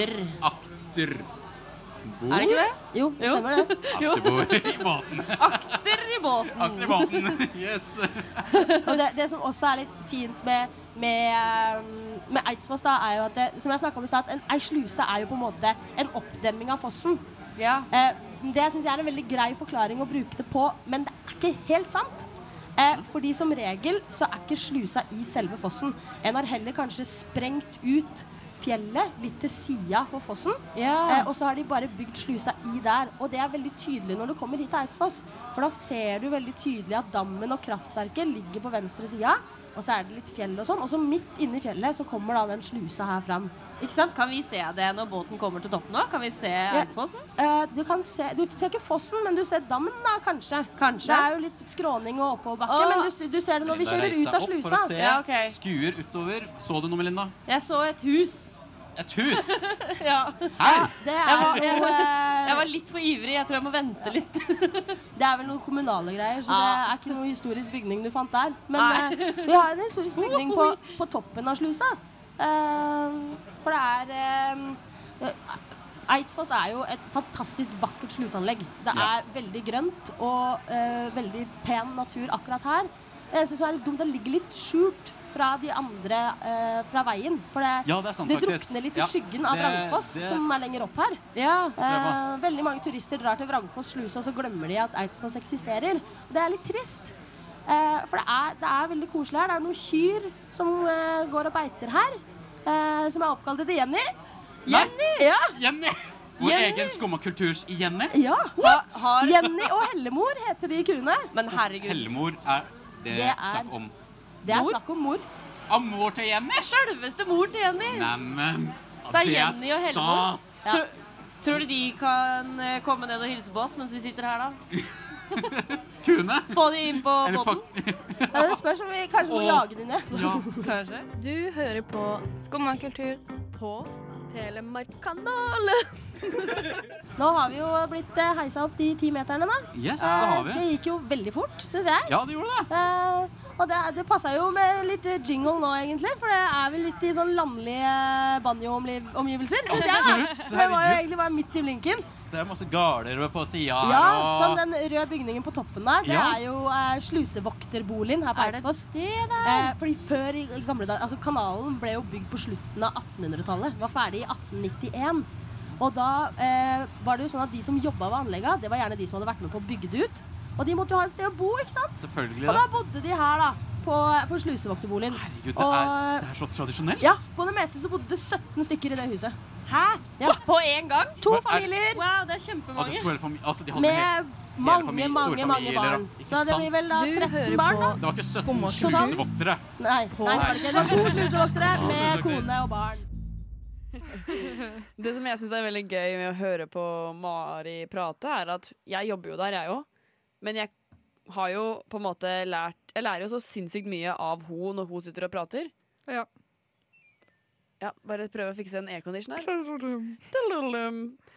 Men eh, ja, hun, eh, hun Hun kan, kan så sinnssykt mye. hun kan jo alt, føler jeg. Hun kan sånn- mye mer enn meg, og jeg jobber jo der, jeg òg. ja, men altså, vi, jo, vi spurte jo om diverse ting underveis på turen òg. Hun, hun, hun hadde jo svar på alt, hun. Ja. Sånn helt på ordentlig. Hun hadde svaret på alt vi spurte om. Mm. Det var, jeg tror ikke det var en eneste gang hun svarte 'jeg vet ikke'. Mm. Eh, og så er hun er så flink til å prate. Det er så gøy å høre på. Ja. Hun, liksom, eh, hun forteller om, eh, om det vi akkurat hørte på nå. Så snakker hun om Nils Aall og Hovedgården og sånne ting. Ja. Og den historien har jo jeg hørt hundre ganger. Ja. Fordi jeg er jo fra Ulefoss. Men herregud, jeg har blitt så lei den historien. Men når jeg hører den nå, så syns jeg jo det er kjempespennende. Det er med, det er noe med måten du forteller det på. Altså. Ja, nei, det er bra greier. Eh, men vi har jo eh, lært masse om sluseanleggene og litt om båten som vi tar. Mm. Eh, men vi skal finne ut vi, har, eller vi fant jo ut en del ting som vi kanskje ikke har vært så veldig mye i medier tidligere på denne båten. Litt fasiliteter Litt fasiliteter. vi har, I Skummakultur så har vi på en måte gjort det til en liten tradisjon Ja. at vi må anmelde doene der vi er. Ja. Det begynte vel med at Sjur skulle eh, an, gjøre anmeldelser på Bylarm. Ja, det var Bylarm. Eh, men så var han syk. Så han, Så han gikk og kasta opp hele så tida. han, ja, så han måtte kaste opp hele tiden. Og da endte det bare med at han anmeldte doen i stedet, for det var der han tilbrakte all tida si. Tilbrakte, heter det kanskje. Ja. eh, og da har vi eh, Vi tok eh, på Bylarm i år, så anmeldte vi doene. Mhm. Og Maren har eh, tatt seg turen inn på doen på MS Victoria for å anmelde doene der. Men det er på sin plass, det. Ja, og, og jeg tenker at det er egentlig bare lurt å høre det. Ja. Etter å ha vært på Telemarkskanalen-tur i noen timer nå, så har jeg tatt uh, turen på do. Uh, og tenkte rett og slett å gjøre en liten anmeldelse av doene her på MS Victoria. Jeg heter eh, Maren, og mitt førsteinntrykk av eh, doen er rett og slett eh, at det er bedre enn forventet. Jeg sitter nærme dopapiret, og selv om det er trangt, så er det ikke noe eh, for trangt eller et problem. Det er eh, lite klang i do, så jeg slipper å tenke over at eh, noen utenfor hører eh, at jeg tisser. Og nedtrekken er veldig god. Det er såpe på alle doene, men det er forskjellig såpe på gutte- og jentedoen. Eh, så det føles ut som at vi jentene er litt eh, nedprioritert, for det virker som vi har fått en billigere såpe. Eh, Det er masse tørkepapir og dopapir, ikke noe problem eh, med det, og doen virker ren. Jeg kan ikke se ved første øyekast at noe er ødelagt, og det er speil over vasken. Selve tisseopplevelsen var egentlig veldig god. Jeg føler at jeg sitter i fred, og det er eh, i hvert fall fire doer om bord på båten som jeg, så, så, som jeg har funnet. To jentedoer, to guttedoer. Så det er ikke veldig mye kø. Litt mye kø um, sånn to timer etter avgang, men, men så gikk det seg altså til. Her er det meget eh, jentevennlig. Det er eh, dos, eh, søppeldunk rett ved doen. Og helhetsinntrykket er rett og slett eh, ganske bra. Så doene på eh, MS Victoria på Telemarkskanalen får eh, faktisk en femmer av meg. Og Ja, det er bra. Det er bra. Vi har jo, det her er en tradisjon jeg syns vi i Skoma skal fortsette med. Vi må jo det. Eh, fordi det er en ting som ikke blir så ofte anmeldt. Nei, og det er ting som trenger mer oppmerksomhet. Fordi Ja. det er mange do som burde vært bedre enn det de er. Ja, På At- MS Victoria så var det ikke båser, eksempel. Noe som jeg syns er the worst. Jeg hater båser. Som, det Ah, er på, ja. som det er på utesteder og sånne ting. Ja. Og det var det ikke om bord på den båten. Det var deilig. Ja, deilig. Det var deilig. Deilig. Eh, og eh, så tusen takk til Maren som tok seg tur inn på do og testa doene. eh, og ga oss eh, hennes ærlige eh, fremstilling, eh, ærlige Mening. mening, om hva, hva doene på MS Victoria hadde å tilby. Men må bare si at eh, på den doen Jeg tror Maren var på den doen ned på eh, Ja, nede i lugaren Ja. Nei, det er ikke lugaren, men salongen der. Ja, og på den doen opp så var det faktisk begge typer såper på jentedoen. Å, altså for begge typer. Ja, Så så du måtte der- velge. Jeg tok en annenhver gang, da. Oh. Jeg husker ikke hvordan som var best, jeg, men eh, Ja, jeg, jeg, jeg husker jeg var på, jeg var på begge doene, jeg òg. Den som var oppe, og den som var nede. Eh, og den som var oppe, var litt trangere, syns jeg. Var litt sånn jeg var ikke på den ned, altså. Jeg var bare på den oppe. Den nede var jo Den var jo liten, den òg, liksom. Det er jo en båtdo, men Ja. uh, den er ikke så trang som uh, Som uh, den oppe. Den oppe syns jeg var litt trangere. Ja, det var ikke plass til mange andre innpå der, nei. Men Det jeg har et spørsmål angående doer på, på MS Victoria. Og Ja. for så vidt vanlige båter også. Eller andre båter. Eh, hva gjør de med avfalls, avfallet? Du, jeg satt akkurat og tenkte på det, for at jeg skulle til å si at jeg var så glad for at det ikke var sånn do som er på tog. Ja, sånn vakuum. Fordi jeg syns det, det, er- det er det verste jeg vet. Jeg, synes jeg, står alltid liksom og liksom klesser igjen ørene. Det verste fordi- jeg vet, det er sånn Cinderella- Cinderella-do. Det er det verste jeg veit. Cinderella-do? Ja, det er sånn eh, ja, nå, ja, Jeg må bare snakke om det, for det er det verste jeg veit. Det er sånn Det er sånn typisk hyttegreie. Det er, det er en bæsjedo. Å ja! Ja. bre- Hvor det brenner? Ja, Sånn du brenner det. Nei, hvorfor liker du ikke det? Og jeg syns det er sånn Ja, men det funker jo perfekt. Ja, gjør det det? Ja, det gjør sikkert det, men, men det er litt sånn Jeg syns det er så Jeg vet ikke! Nei. Men nei, hvor, eh, hvor avfallet blir av, det vet ikke jeg. Eh, jeg veit at jeg har jo Jeg er jo fresh innenfor uh, båtføring. For Ja. Jeg har jo tatt båtførerprøven, og der Ja. er det en sånn derre en del av det at eh, liksom, hvor du kan slippe avfallsstoffer og sånn. Eh, hvor på vannet kan du gjøre det og det og det, liksom. Ja. Eh, så det kanskje det er et lager da, hvor de samler opp alt sammen, og så bare slipper de det ut? Jeg vet ikke, sånn som i en campingvogn, liksom, at det Ja. du tisser, og så havner en, en plass, og Ja. så må det ut. Men det, men det var jo en helt vanlig do. Det var jo en sånn Ja. vanlig do fra Porsgrunn porselen, liksom. Det var det. Fordi det, ja, det tenkte jeg på at liksom, oi, hm, jeg så kanskje for meg at det skulle være noe sånn, ja, eller la Som sånn vakuum. campingdo da, Ja. eller sånn vakuumdo. Ja. Ja, Ja, det syns jeg var eh, Jeg er veldig glad for at det var sånne doer der, da. ja, veldig, Eh, veldig positiv opplevelse på Og lurer fælt på hvor det blir av, og hva man gjør med det. Så hvis noen vet det, så er det bare å melde Ja. oss i Skumma kultur. Eller kommentere denne podkasten. Ja. En kommentar. 'Jeg vet hvor det blir av'. Ja. Please do. Do that.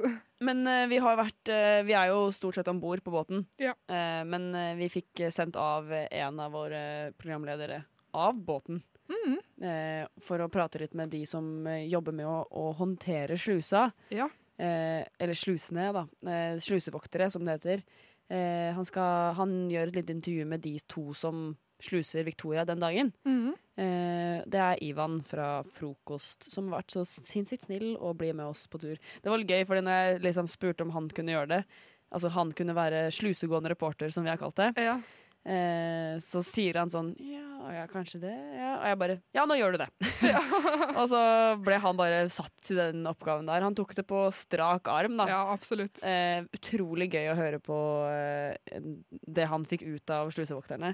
Det var Tinna og eh, Geir Jon, eller Geir Jan, som jeg begynte å kalle han nå. Geir Jan. Geir Jan, for han skriver det med altså, J- og- J-O-H-N, liksom. Som, som i Jan, da. Jan. Så er Geir Jan og Tinna. Eh, Ja. Så ja, Ivan er nå og prater med Geir Jan og Tinna. Tenker vi bare kan høre litt på det, ja. Hei, jeg heter uh, Ivan Larsson. Jeg er utegående reporter for Skumma kultur uh, på Radio Nova. Uh, vi skal snakke om sluser.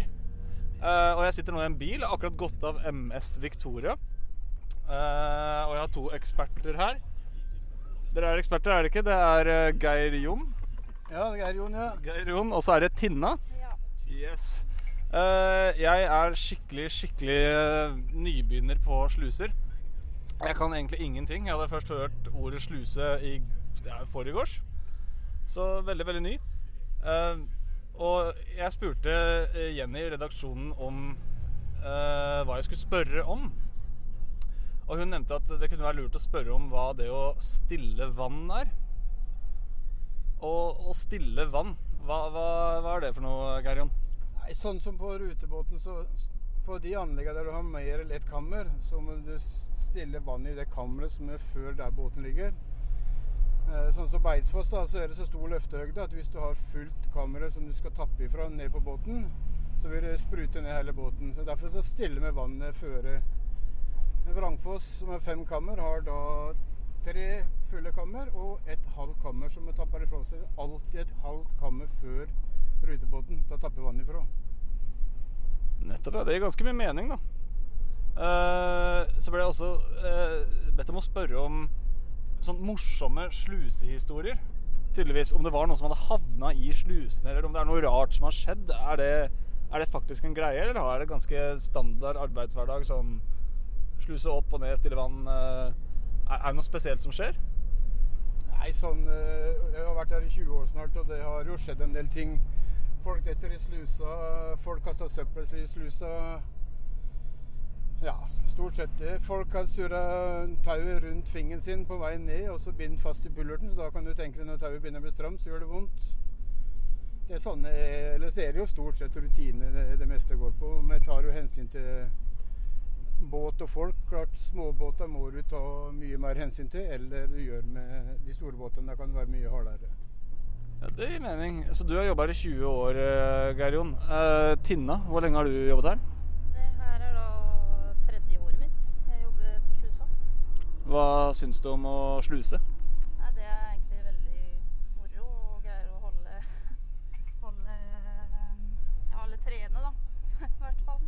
Hvorfor, hvorfor, er det gøy å sluse? Nei, det er jo øh... Nå går vi ut av bilen her òg, ja. ja. Det gikk fort, det.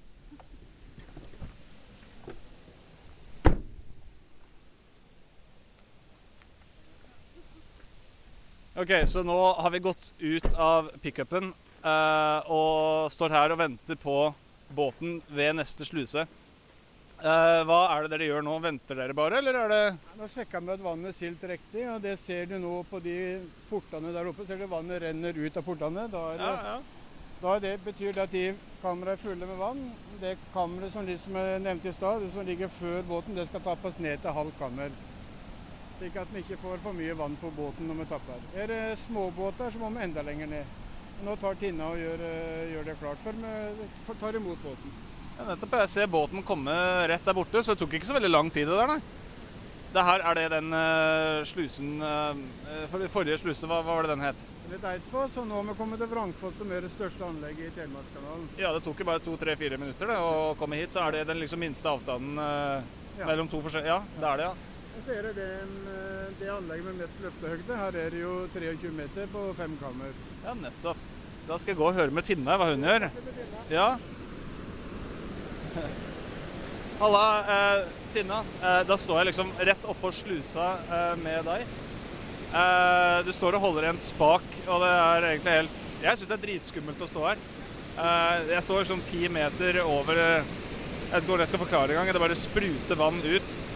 Hva er det første dere gjør når dere skal begynne å, å sluse? Nei, det er jo i hvert fall her på Brankås, så må vi jo tappe ut litt vann, siden det er altfor mye vann i det kammeret. For ellers så kommer vannet Altså det kan komme på oppå båten og der folk sitter. Det er ikke helt eh, Ja, det gir jo mening, det. uh, huh. Ja. Det gir jo mening, det. Det gir jo mening, det. Ja. Eh, Det, er, det er veldig gøy, for det er ikke sikkert han skjønner bæret av det de forteller om, egentlig. Nei, Men jeg men håper han- virkelig at uh, du som hører på, skjønte det. For det er ganske interessant, egentlig. Det var det. Uh, jeg gjør jo det her uh, ganske mye Akkurat nå så er det jo sommer, og da gjør jeg det jo faktisk eh, hver dag. Mm. Eh, jeg har fri nå, da, men eh, når jeg jobber, så gjør jeg det her hele tiden. Eh, men dere fikk jo eh, muligheten til å prøve dere òg etter det her, fordi nå har vi jo sluppet av Ivan. På, på, fra Eidsfoss, og han har kjørt sammen med slusevokterne fra Eidsfoss til Vrangfoss. Ja. Og i Vrangfoss så ble alle sammen lempa av av Geir Jan. Geir Jan. han tok tak i alle sammen og løfta oss av. Det var faktisk det skumleste, å hoppe fra båten Mm. og over, liksom. Du måtte hoppe over eh, Altså ut av slusa, Ja, det vi gjorde, var at vi, eh, vi kjørte ned i det nederste kammeret, Mm. eh, og så lukket de portene bak oss. Så vi var stengt inne i kammeret. Ja. Og så gikk alle vi, vi eh, alle pro altså programlederne, vi gikk opp, opp på taket. Til båten? Til båten, ja. Og så tok vi tak i Geir Jon, og så bare dro han oss opp. Men de fylte litt vann opp først, Ja. så vi skulle komme høyt nok opp. Men jeg var faktisk ganske redd for å havne nedi slusa Ja, der. Det, må jeg si. det var kanskje ikke helt optimalt å gjøre det på den måten heller. Det var jo Men hvordan annerledes skulle du tro det? Det er vanligvis det man gjør, da. Hvis du skal av på Vrangfoss, er at du går opp hele slusa, og så går du av. Men vi måtte jo få sluse. Men vi måtte jo sluse, så vi Ja. måtte jo gå av i nederste kammer. Eh, og eh, ja, det har vi jo nevnt, da, at liksom selve opptaket fra denne slusinga ble helt mislykka. Ja. Eh, og, men det er faktisk det eneste fra hele turen som ikke funka. Ja, det er sant. Eh, og da på en eh, ti timers eh, produksjon, så er jo det ganske imponerende, syns jeg. Eh, og man kan ikke forvente at alt blir bra, og det her ble ikke sendevennlig. Men eh, vi kan jo, eh, og vi har heller ikke tatt det med i podkasten, men vi kan jo snakke litt om det. Eh, fordi det, det vi gjorde, var at alle sammen skulle få prøve litt Mhm. forskjellig. Eh, og eh, det er forskjellige opp arbeidsoppgaver på slusa. Du kan jekke opp portene, du kan ettertappe, og du kan tappe. Ja. Og det var det alle sammen fikk prøve seg på. Jeg vet ikke om du skjønte hva du gjorde når du gjorde det? Nei, jeg fikk jo prøve å jekke, jekke opp, da. Og det, det snakka vi litt om i stad, at jeg var ganske flink til det. Ja, du fikk faktisk tilbud om jobb. Det gjorde jeg faktisk, og Ja. det, det tar jeg med meg videre i Ja. livet. Men jeg fikk ikke prøvd å tappe. Nei, for at, å tappe er jo at du stil, står på porten foran båten og tar vann inn i kammeret. Ja. Eh, det var ikke så mange som fikk lov til å prøve det. det Amanda fikk prøve det. Amanda var i hvert fall først ut med å prøve Ja. det.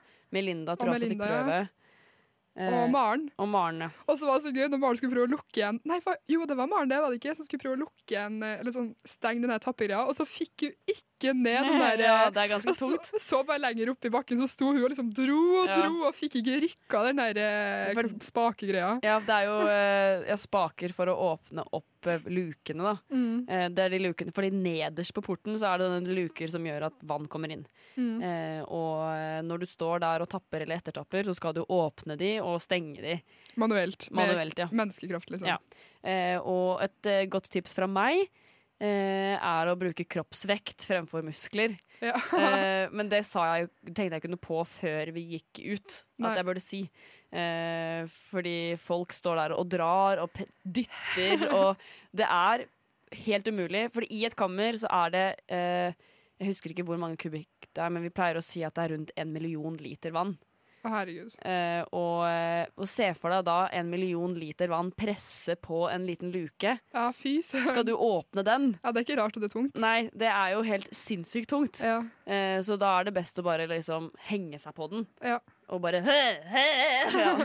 Jeg pleier å lage masse lyder. Altså, det som er nice med slusa, er at det bråker jo litt når du står på porten. Ja, det er det, hører du hører deg. det hører du jo veldig godt når Ivan prater med Tinna. Ja. At det er vanskelig å høre hva Tinna sier, fordi det er mye bråk. Mm. Så når jeg står der og bare he, he, Da er det ingen som hører det. Håper jeg, da. Eh, men, eh, men det har vært eh, Altså, jeg syns alle sammen var veldig flinke, og man tok altså, Jeg tror kanskje at de, alle de som fikk prøve seg på, på, på de spakene, eh, gjorde det veldig, veldig bra. Jeg så ikke at noen ikke klarte det i det hele tatt. Nei. Altså, det er jo Det var ett kamera det ble litt mye vann i, husker jeg. For det begynte å renne over kanten og sånn. Ja, det, det hender jo da at det skjer. Ja.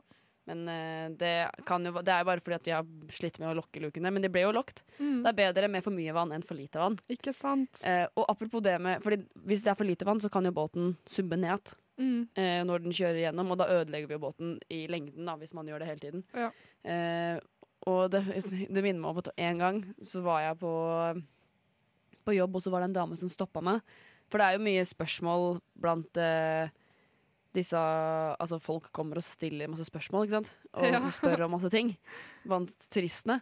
Eh, og det var en dame som spurte hvor langt er det egentlig ned i et kammer. Og så skulle jeg til å si at liksom et kammer er kanskje jeg vet ikke, åtte meter, kanskje. Mm. Eh, men før jeg fikk, sagt det, så sier du sånn Er det sånn 50 meter?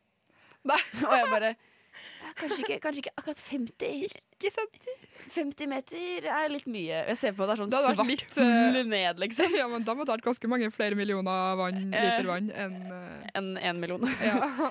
Men uh, ja, det var i hvert fall veldig gøy. Jeg bare sånn uh, Ja, eh, det vet jeg ikke helt. eh. Så du at ikke visste, eller sa du sju meter? Nei, jeg, jeg endte jo med å si at jeg ikke visste, Fordi jeg ble jo litt satt ut. Og så Ja. var jeg, jeg er jo ikke helt sikker. Det er jo Nei. forskjellig per kammer, liksom. Det er jo Ja. alltid forskjellig. Så akkurat det kammeret var jeg litt usikker på, men jeg bare kunne jo kanskje sagt at det var eh, nærmere ti, da. Så på 50.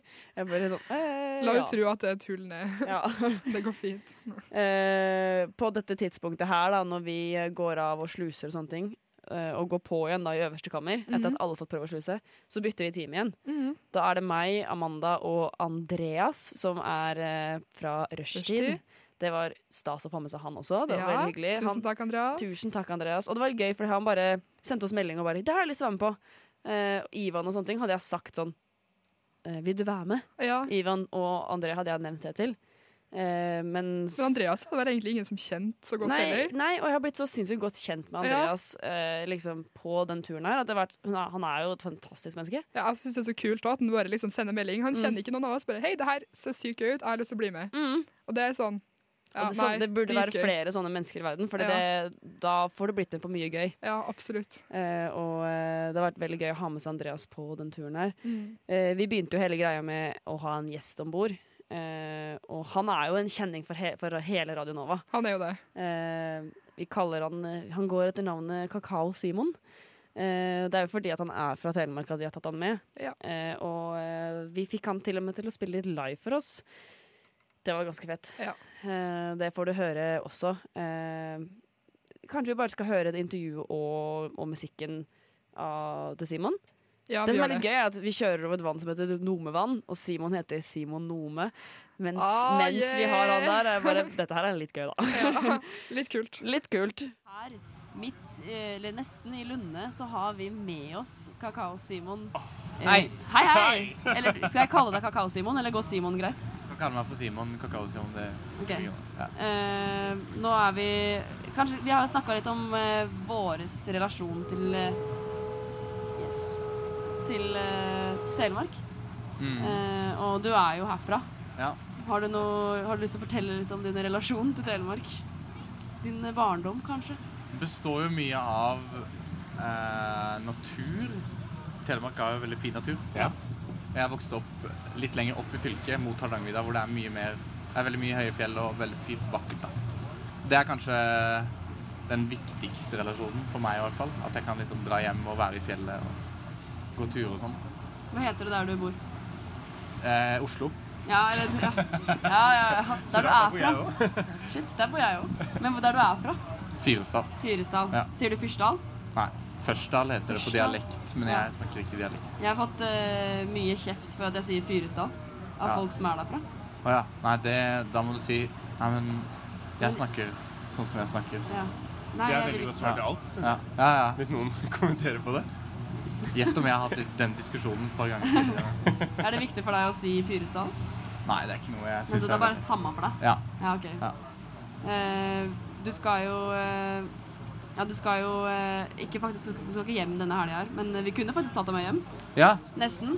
Dalen ligger jo 45 minutter til kommunegrensa, i hvert fall. Ja. Til Fyresdal. Så det er eh, bare opp og over et, over et fjell, og så er du i Fyresdal. Så du skal over i dalen? Nei. Nei? OK, da misforstår jeg alt. Sitter her som et spørsmålstegn. Nei, Simon skal tilbake til Oslo i dag. ja, OK, riktig. Ja. Eh, men jeg lurer litt på eh, Du er jo her pga. din musikk.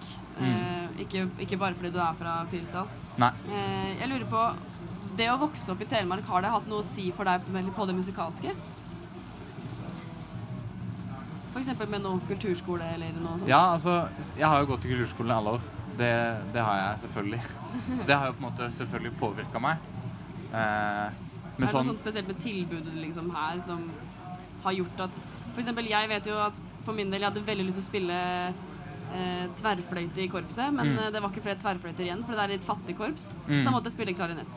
mm, Eh, og det hadde litt å si for hva jeg gjorde videre, som f.eks. å slutte i korpset. Det var hovedsakelig det. ja. Men Nei, altså- sånne ting har jo gjerne noe å si, da. Ja. Jeg har jo vokst opp i et hjem hvor det har vært mye musikk fra før av. Så jeg var på en måte klar for veldig mye forskjellig, egentlig. Så jeg spilte også i korpset. Spilte baryton. Det var heller ikke så fett. I hvert fall ikke når man fikk regulering. Så da begynte jeg å spille melodisk slagverk. Men eh, det har jo vært I Fyresdal så har det vært veldig bra tilbud. Det har vært liksom åpent for veldig mye, da. Eh, utfoldelse. Føler du at natur og sånn kommer til uttrykk i musikken din? For du, du sa du, du nevnte natur er viktig for deg. Nei, jeg føler ikke det. Det er litt morsomt, egentlig. Nei, jeg, jeg, jeg gjør ikke det. Eh, men det er litt fordi at se, altså, Jeg har blitt interessert i hiphop etter at jeg flytta fra Fyresdal.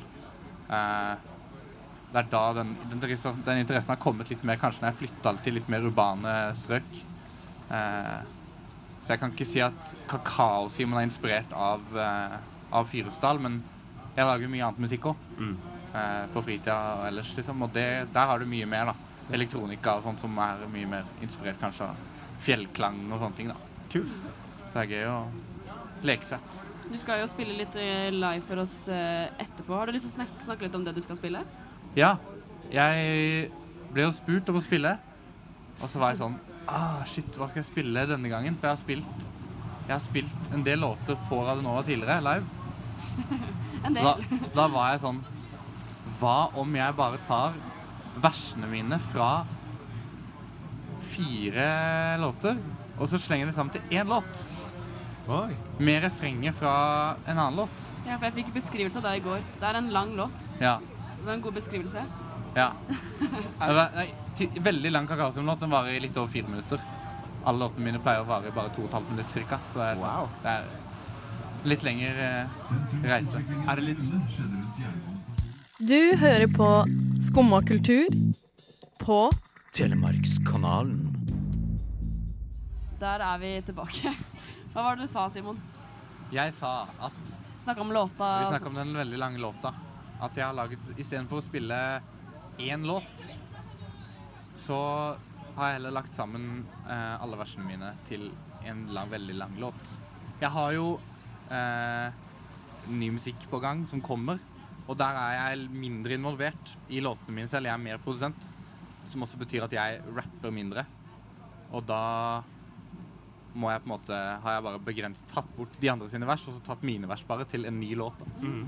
Så det er litt sånn Kakao Simon anthem, kan jeg kalle det. Er det, blir det, er det typ improv? Når, du, når det du skal spille i dag, for eksempel, blir det litt sånn okay. Freestyle Ja. fra hodet? Nei. Nei? Nei. Nei. Nei, Enkelt og greit nei. Enkelt og greit svar. Nei, det blir ikke det. Jeg har skrevet ned alt. Det er, det er ferdig skrevet. Oh, Telemarkskanalen.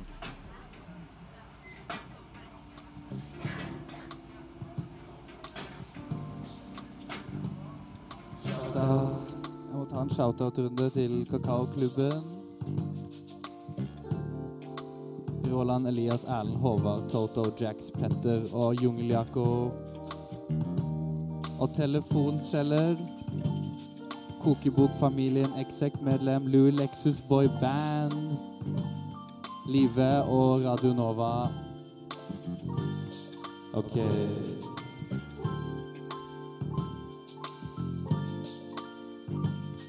Ja. Jeg har en god tanke. Tanken er kakao. Tanken er så god at selv Mao sier ciao. To ganger, en for folket og en for verden. Fikk med meg hele blokken, og nå drar vi ut på ferden. Spenner på en ryggsekk med noe gryn og noe ginnerjuice. Fire flasker vin og kul med noe digg brus.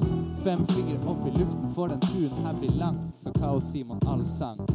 I forrige uke spiste jeg seks retter. Heretter vil jeg bare ha matrett med syv vinagretter. Jeg har smak som en guru, åtte planter i en potte. Ikke spør meg hva som skjedde med kottet. Det er plottet. Flotte. Fokusert, konsentrert, godt sentrert, produsert i god harmoni. Stor K når jeg stifter kakaoparti på min sti. Og tror det er ikke lett å si. Boblevann og chips. Jeg digger boblevann og chips. Jeg digger boblevann. Jeg digger det. Jeg digger det, jeg spiser det hele dagen, for jeg digger boblevann og chips. Ja, ja. Varm sjokolade, varm sjokolade. Jeg digger det, digger det, digger det, digger det. Varm sjokolade, varm sjokolade. Digger det, digger det. Kakao er digg. Kakao Simon kokebok, biten min er fusion. Songs in the key of life, dette er contusion. Chop som er bristet, pinnekjerner ristet. Oksetype brisket, med trøffel som er stivpisket. Helser meg på TV, Svendsen er bagatell. Holmo Bank. Sivert Åh, jeg, Du blir lik blekk som Moby Dick. Vi er six år ut på en trestjerners ting. Renner stikk. Plantene kan gro dit. Ingrid Espelid Hovik bor i min kokebok. Finnes ingen avvik. Smaken er umami. Et soyasaus vidunder. Rettene jeg har de, et teg med mange runder. Boken min er stor som en flokk med sultne hunder. Spiser runder med kunder som vil smaken vidunder. Mat med en mami. Pasta med pastrami. Smaken som en hardy. Vi skal på safari. Boblevann og chips. Jeg digger boblevann og chips. Jeg digger boblevann. Jeg digger det. Jeg digger det. Jeg spiser det hele dagen. For jeg digger boblevann og chips, ja. Varm sjokolade, varm sjokolade. Jeg digger det, digger det, digger det, digger det. Varm sjokolade. Digger det, digger det. Kakao er digg. Wow! Opp i klubben med en kopp kakao. Koppen lukter søtt, lukter godt, lukter stil. Alle spiser sopp. Drikker grønt, drikker saft av en plastkopp. Kakao Simon, bam, du kjenner stilen. Kakao Simon pusher lenger enn Nilen. Renner gjennom silen, hopper inn i bilen, og jeg fikser dealen. Med noe, med noe boblevann og chips, ja. Med noe, med noe boblevann og chips. Kakaoen min er bærekraftig. Spiser alt som er mykt og saftig, og designeraktig. Kjører low-end på high-end, bumper old school på veien. Naturvin i glasset mens jeg velter denne skeien. Vi har alle våre hensikter. Rene plikter full av innsikter. Når vi spytter, blir det helsesvikter. Sprer rykter som en gudsfrykter. Kjører sykkel uten baklykter. Følg meg når jeg flykter. Det er kakao, Simon. Det er kakao, Simon. Tenker ikke, gidder ikke, ligger bare her på beat. Det er kakao, Simon. Det er kakao, Simon. Wow! Bare hør på beaten. Wow. Det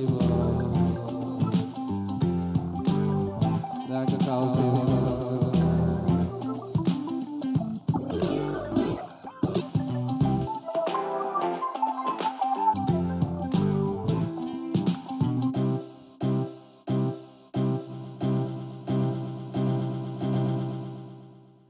Herregud. Det, det der tror jeg kanskje var noe av det jeg kanskje synes var høydepunktet fra hele turen. Ja, det var sykt gøy. Jeg syns det var så artig at vi fikk så bra lyd. Mm, det Så var vi- skikkelig, skikkelig bra.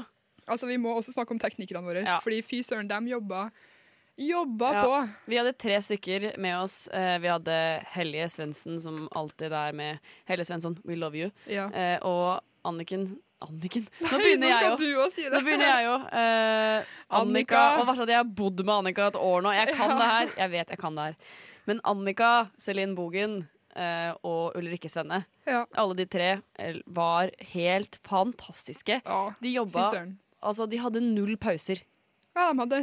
Og, jeg syns litt synd på dem, men det var eh, Men eh, jeg syns også det er bra. Fordi vi, Ja. hvis, ikke, hvis det hadde pauser, så hadde det bare blitt Det hadde ikke blitt bra der. Nei, og bare sånn Ja, vi skal jo høre mer livemusikk senere også, men ja, bare alt det utstyret som eh, Simon også hadde med seg sjøl, de Mm. kobla opp, og lyden Nei, vet du hva, jeg syns det var så artig. Og jeg synes det var så gøy fordi at eh, Simon kom litt i siste liten og sa han ville spille live. Mm. Eh, og så sa han bare 'ha med det utstyret'. Og så var jeg sånn Oi, shit. Eh, fordi da hadde vi allerede reist, og vi hadde tatt med oss alt utstyret oh, ja. vi skulle ha med. Ja. Så jeg måtte bare gå til Hellige og bare eh, 'Hellige, Simon ville ha med seg eh, Han ville spille live, og han, han spurte om vi hadde dette utstyret', og hun bare 'Jeg har med det her. Null stress'.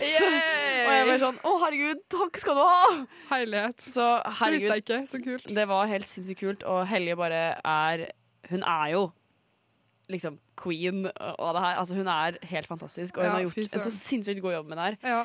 Eh, hun også er bare sånn menneske som jeg bare hooka tak i. Jeg bare 'Vil du være med til Telemark?' du må egentlig, for vi trenger deg. Ja, vi trenger egentlig at du er med. Jeg husker jeg, når jeg nevnte det første gang, så sa jeg sånn eh, Du kan egentlig ikke si nei, for vi må ha deg med. Ja. og så begynte hun til og med å bli syk før vi dro, og jeg bare sånn Du kan ikke bli syk! Hun var faktisk ganske slapp dagen før, Ja. altså. Ja, ja, hun var jo dårlig. Ja, Gikk med skjerf og snøyt seg. Mm. Uff, stakkar. Stakkars. Men, eh, sto på likevel, altså. Ja, herregud, for ei dame. Det har vært Ja. helt sinnssykt. De har vært så flinke. Ja. Og ja, man, eh, nå skryter vi jo veldig mye av dem, men de, er, ja, de fortjener det. de fortjener det. De har Sånn- vært helt sinnssykt, sinnssykt bra å ha dem med. Ja, Å rigge opp og rigge ned, Ja. og pakke opp og Møte pakke opp på ned. båten dagen Ja. før og begynne å rigge opp da. Og det var. Å, herregud, for, for en gjeng. Er, og Melinda også må jeg faktisk gi en liten shout-out til der. Fordi hun, Hun har vært, hun har vært med på det teknikerlaget og rigga opp og rigga ned. Og hun har vært helt sinnssykt flink, hun òg. Så det har vært fantastiske mennesker å ha med. Ja, fy søren. Eh, og eh, de er jo grunnen til at eh, den livemusikken med Kakao-Simon ble så bra. Mm. Eh, og jeg syns det er så kult, for han hadde laga liksom en helt egen greie til oss. Ja, ja, ja. Eh, og herregud, jeg kunne hatt det der som ringetone, liksom.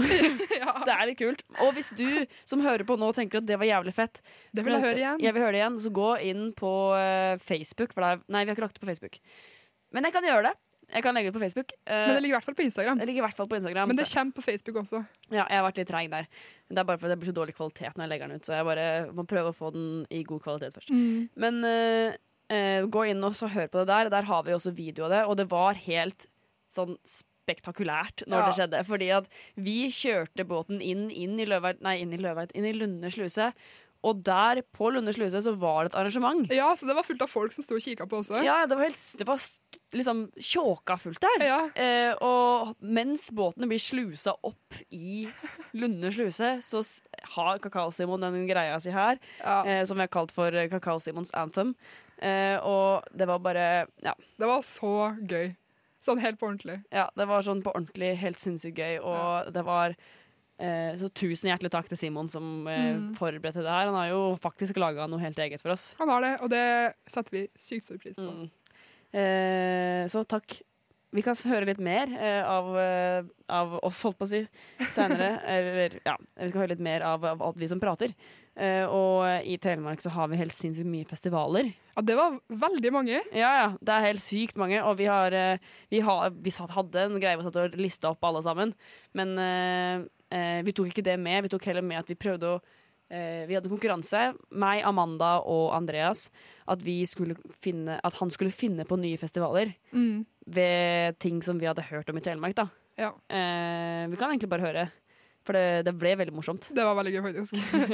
Litt av lek, ja. En liten lek på deg. Ja. Eh, vi har kommet med noen, eh, med noen eh, forskjellige konsepter til deg. Så skal du finne, lage festivaler. Ja. Eh, og du skal finne på eh, navn til festivalen.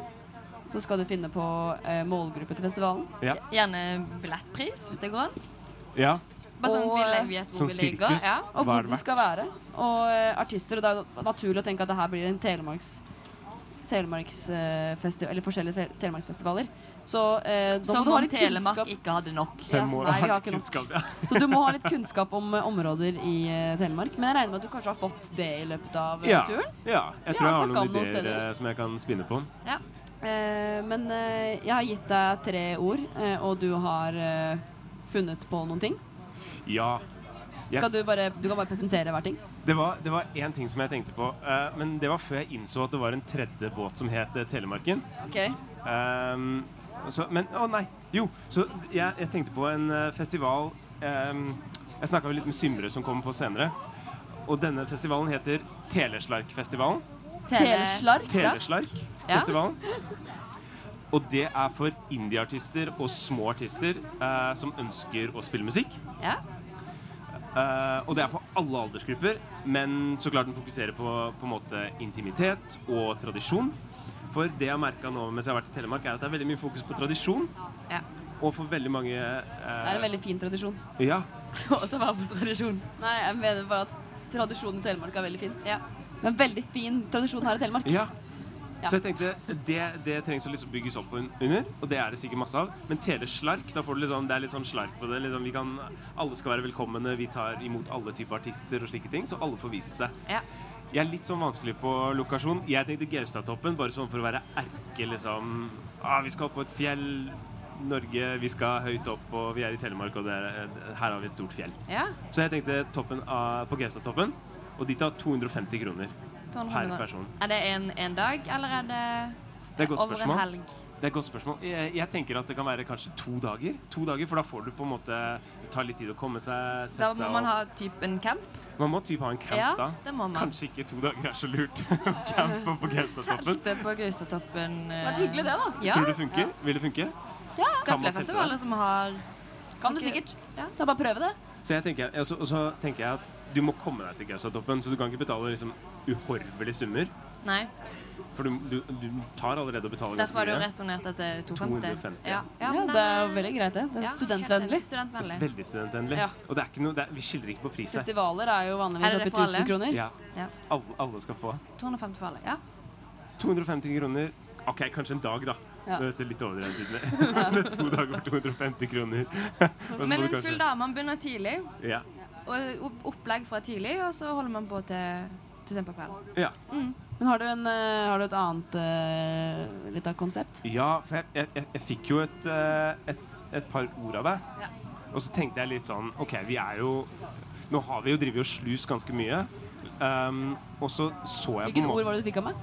Kan vi gå gjennom de orda? Ja, vi kan gå gjennom orda. Vi fikk fele, slusing, kling og kurop. Ja. Eh, så uh, Teleslagfestivalen var litt sånn kobling til fele, Ja. tenkte jeg. Ja, ja. Litt sånn tradisjonell musikk. Yes. Men når det kommer til slusing, så tenkte jeg Jeg har sett de, de slusene åpne seg, og vannet som spruter ut. Ut av porten. Ja, ut av porten. Og det er en kjempekraft. Ja. Så jeg tenkte vi skulle ha en festival som heter Sterke ben-festivalen. Og den er for alle som ikke hopper over eh, å trene legga sine. Ja. Så de som ikke skipper leg day. Målgruppe. De som ikke skipper leg day. Det er målgruppen. Ja, flott målgruppe. Uh, det må jo så klart være her i Telemarkskanalen. Ja. I en av de slusene. Det er gratis. Og det er et konsept der hvor dere åpner slusene. Alle slusevaktene eh, åpner slusene, og så skal noen stå foran de her, eh, der hvor vannet kommer ut når de åpner slusene. Ja. Bare skylt ned. Og så, prøve å, og så er det om å gjøre å stå så lenge som mulig og holde mot det, den forferdelige Jobbe kraften som mot kommer ut. Så derfor, må du ha, derfor er det Sterke ben-festivalen. Sterke ben-festivalen. Den risikofaktoren Det der. er, den er høy. Den er veldig høy. Du kan få lov til å kjapt gå gjennom den, eh, den siste festivalen din. Den siste så følte jeg uh, vi tenk, altså, Det er jo mange som tenker på uh, Bø, Sommerland i Bø. Ja. Og så uh, brukte jeg på en måte Splash Mar Mark 2. Og der, der er det på en måte Det er småbarn som er, er målgruppen. Ja. Det er i Bø i Sommerland. Det koster 100 kroner å komme inn. Og da får du hele forbaska Sommerland. Ja. Og du får et svært vanngevær når du kommer inn. Og så er det bare det er, det, er, det er bare full krig. Det høres ikke ut som dette bare er for småbarn. Nei. Det høres ut som det er for eh, unge voksne alder 20 Men det kan være noen typisk ting som er for småbarn, men så begynner voksne mennesker å bli med på det. Ja, veldig sant. En av de tingene. At det blir profesjonalisert. Ja. og sånne ting. Har lag og kaptein og Men jeg merka at du kicka litt på den ideen. om Ja, jeg ble gira. Løp rundt med vanngevær Kanskje liksom skal finne noen å, å pitche det til, Ja, jeg er med på den. Kanskje maling, så du ser at du har blitt truffet. da Da er vi over på paintball. Da er Ja, det da er vi over paintball. på paintball. Nei, jeg vil ha vannet. Ja. Ja, vi, det kan må ta, være vi vann. kan jo ta uh, konditorfarge i vannet, så du Det kan kan se du gjøre. Det kan du gjøre. Eh, men det var en god idé. Eh, Ja, tror jeg mange kan være gode gøy. tips her som vi kan prøve å pitche inn til eh, noe genialt. Eh, Jeg skal ta med meg videre den med, med her. Ja, det var, det var Merker veldig det på bra. hele kroppen. Du hører på Skummakultur på på Telemarkkanalen. Ja, mange gode ideer der. Ja, det, hvis, eh, vi, har ikke tatt, vi har ikke tatt patent på noe av det, så eh, hvis du har lyst til å starte festival, så er det lov å kanskje bare stjele litt. Ja. Bare. Skal du gi oss akkreditering til å komme og dekke festivalen? Ja, det kan vi gjerne, hvis vi får lov til å i det minste komme gratis og dekke Ja. og gjøre jobb på din festival, så setter vi pris på det. Ja. Eh, Radio Nova liker veldig godt eh, å reise på festivaler. Så ja. det gjør vi. I hvert fall personene, da. Altså, jeg er jo glad i å ras- reise på festival. Jeg vet ikke om Radio Nova i seg selv er så glad i festivaler, men uh, Jeg er veldig glad i festival, jeg òg. Så er vi to, i hvert fall. da. ja, i hvert fall to. Ja. Og det er, jo, det er jo hele Radio Nova. Så Det er jo det. et godt uh, representativt antall. Ja. Uh, men vi har jo nå Vi må jo litt mer tilbake til, til vår ekspert Mari. Ja, for hun var jo med på hele turen. Hun, nei, hun ble med på Ulefoss. Eh, hun gikk på på Ulefoss, og så Ja, gikk hun ja. av i dalen. Men var med helt til dalen, da. Ja, Mm. eh, så hun har jo blitt henta inn hundre 100 ganger for å fortelle litt grann mer. Eh, og her er det jeg som har et lite eh, intervju med henne. Eh, og når jeg intervjuer Nei, er det nå? Jo, jeg, jeg Jo, det er ja. nå du er med her. Ja, jeg er vel med på, på flere av de. For hun forteller litt senere om eh, litt sånn eh, hvorfor vi har kanalen og sånn. Eh, og da tror jeg også er meg. Ah, det var det jeg tenkte på. Der er du i hvert fall med. Da Ja. vet ikke jeg her. Jeg Det blir kanskje det. Det blir spennende. Jeg tror det er meg nå også. Og okay. det som er litt gøy når jeg er med, er at, at jeg også forteller litt. og da, men da blir det sånn utenom det. Fordi greia med Mari var at vi skulle jo til slutt ha en liten quiz Ja. med alt det hun eh, fortalte. Og hun hadde da noen ting hun måtte fortelle. Ja, ikke sant? Eh, så derfor måtte vi hente henne inn hele tiden, for vi hadde ikke tid til å gå gjennom alt hver gang vi prata med henne. ikke sant? Ja. For hun hadde jo helt sykt mye å fortelle. Hun hadde jo det. Eh, så, Og det hadde vært dårlig gjort å ha en quiz uten at hun hadde fortalt det hun quiza om. Ja, så eh, eh, Når jeg gikk rundt i gangene på båten, så huka hun pleide, tok hun tak i meg bare 'Jeg har det og det og det og det jeg må si for at det skal gå jeg, ja, ja, vi fikser det, vi fikser det. Ja. Eh, så det her er vel hun som må fylle ut eh, eh, noen tomme quiz-punkter. Mm. Eh, og gjør det på en veldig spennende måte. Nå skal vi snakke litt om sluseanlegga, og jeg henger på.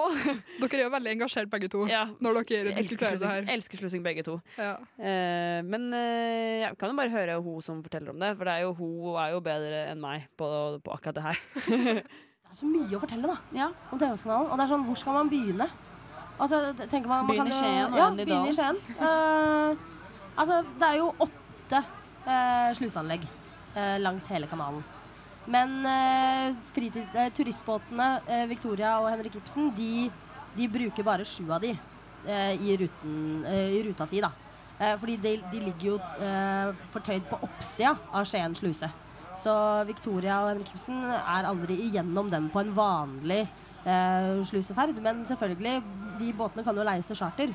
Og da, da bruker de jo Skien sluse av og til. Så den enkelt løfter fem meter. Så sånn sett så kan man jo si at eh, Victoria og Henrik Ibsen blir ikke løfta 72 meter over havet.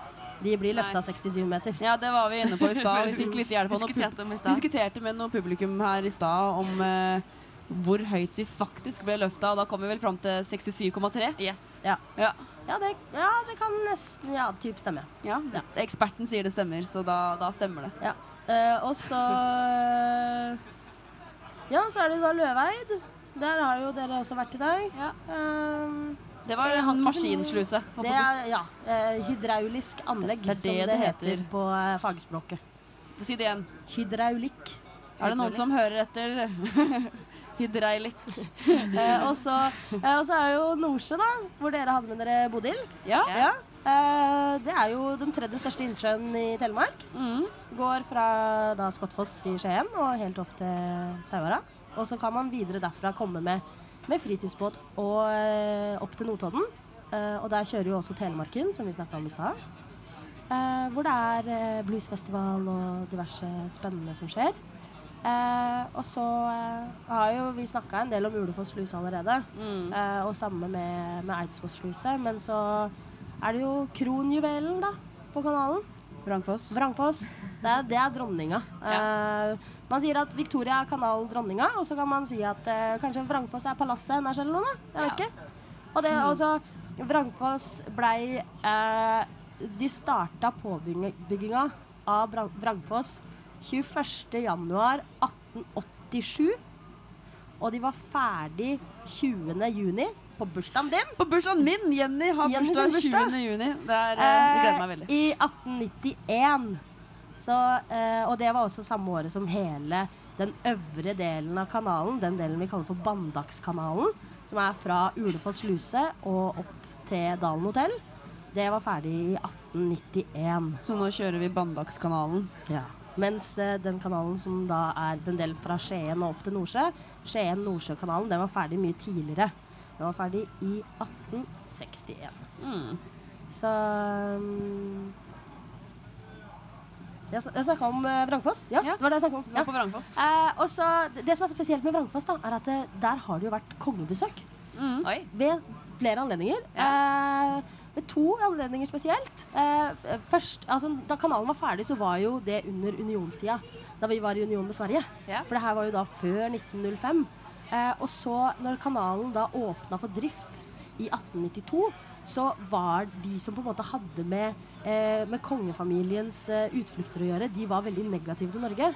Eh, men så ble det vedtatt, eh, gjort noen endringer da, i den liksom, komiteen Jeg vet ikke, turkomité?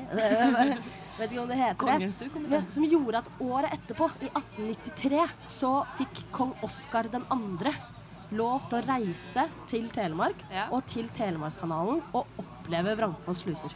Og det fins det bilde av på den båten her, så hvis man uh, booker seg tur på den båten her og tar en eh, tur ned i uh, salongen, så kan du se bilde av kong Oskar den andre. Og det er jo veldig kult, fordi nede i Vrangfoss er det også flere spor etter at kongen har vært der. Når du kjører f.eks. inn til Vrangfoss sluse på, på, på venstre side i fjellveggen, så er det malt inn våpenskjoldet til uh, kong Oskar 2.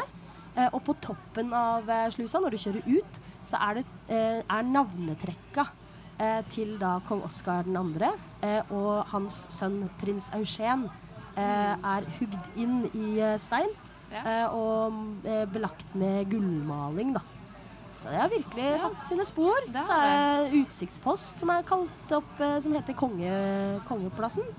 Som også er en veldig fin utsikt da over eh, Vrangfoss. Hele anlegget og fossen og ja, alt.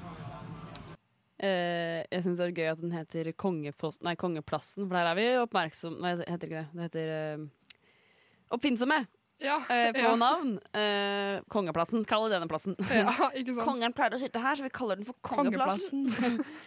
ja, eh, det er Veldig morsomt. bra. Men faktisk så er det ganske På den plassen så får du liksom utsikt over hele eh, Vrangfoss sluse, som er en veldig spektakulær sluse. Eh, så jeg anbefaler jo alle å, hvis du har tid i sommer, ta en liten tur til Telemark og se det blir slusa der. Still deg på kongeplassen, Still deg på kongeplassen. og eh, se utover. Ja, for det er en fantastisk eh, fin opplevelse, da. Ja. Eh, veldig fint der. Og eh, du kan også få se den gullmalte kong Oskar-malinga på fjellveggen. Og veldig spennende. Veldig spennende. Veldig spennende. Men uh, på dette tidspunktet her så har vi uh, forlatt uh, slusedelen da, på en måte av Telemarkskanalen. Er vi ferdig med alle slusene. Nå er vi ferdig med alle. Nå Ja. har vi seilt ut av Hogga sluse, som er den siste slusa. mm. Og nå er det straka veien til dalen. Eller det er det vel egentlig heller ikke. Nei, vi, vi har noen stopp Det noen stopp. hvert der. Eh, stopp eh, langs kanalen, som dere ler veldig av jeg sier det, men det er Spjotsodd og Fjågesund eh, og eh, eh, ja, Kviteseid, da, som er eh, Ja. stoppa vi stopper innom. Og vi har jo med oss ei lita jente fra Kviteseid. Og hun skulle jo settes av i Kviteseid. Ja, vi skulle jo kaste henne av der, holdt jeg på å si. Ja. Eh, Symre skulle være med. Hun gikk jo på musikklinja på Skien videregående og bodde på hybel der. Eh, og ble da med oss eh, til Kviteseid som litt sånn transport. Ja, hun sa at eh, hun likte at det her var liksom Nei, jeg synes det var helt supert, for da fikk hun gratis skyss hjem. Og hun Mhm. fikk endelig tatt den båten som hun ikke har tatt før, Ja. selv om hun bodde i Kviteseid, liksom. Så hun ble jo med helt fra, helt fra Skien og hele veien til Kviteseid. -hmm. Eh, det var veldig veldig gøy. Vi fikk tid til å prate med henne når vi kom utafor Hogga. Hele veien da ned til Kviteseid. Ja. Og hun spiller hardingfele. Ja, og det, det måtte vi jo ha med når Vi vi, skulle sitte sitte på den båten her. Det var jo eh, eh, Jeg husker at det første jeg tenkte når jeg skulle finne gjester til eh, den turen, her, så var det at jeg må ha noen som spiller noe skikkelig sånn nasjonalistisk instrument. Eh, og da blei det første jeg tenkte på, var hardingfele. Mm. Eh, hardingfele er vel egentlig fra sånn Hardangervidda-området, og det er jo ikke i Telemark.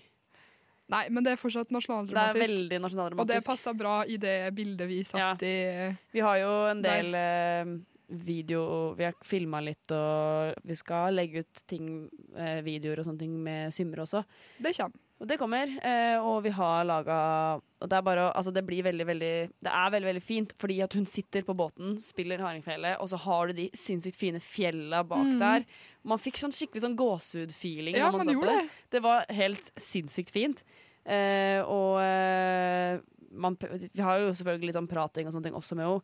Eh, så er du, klar, er du lytter klar for å få litt gåsehud? Fordi jeg syns det var nydelig.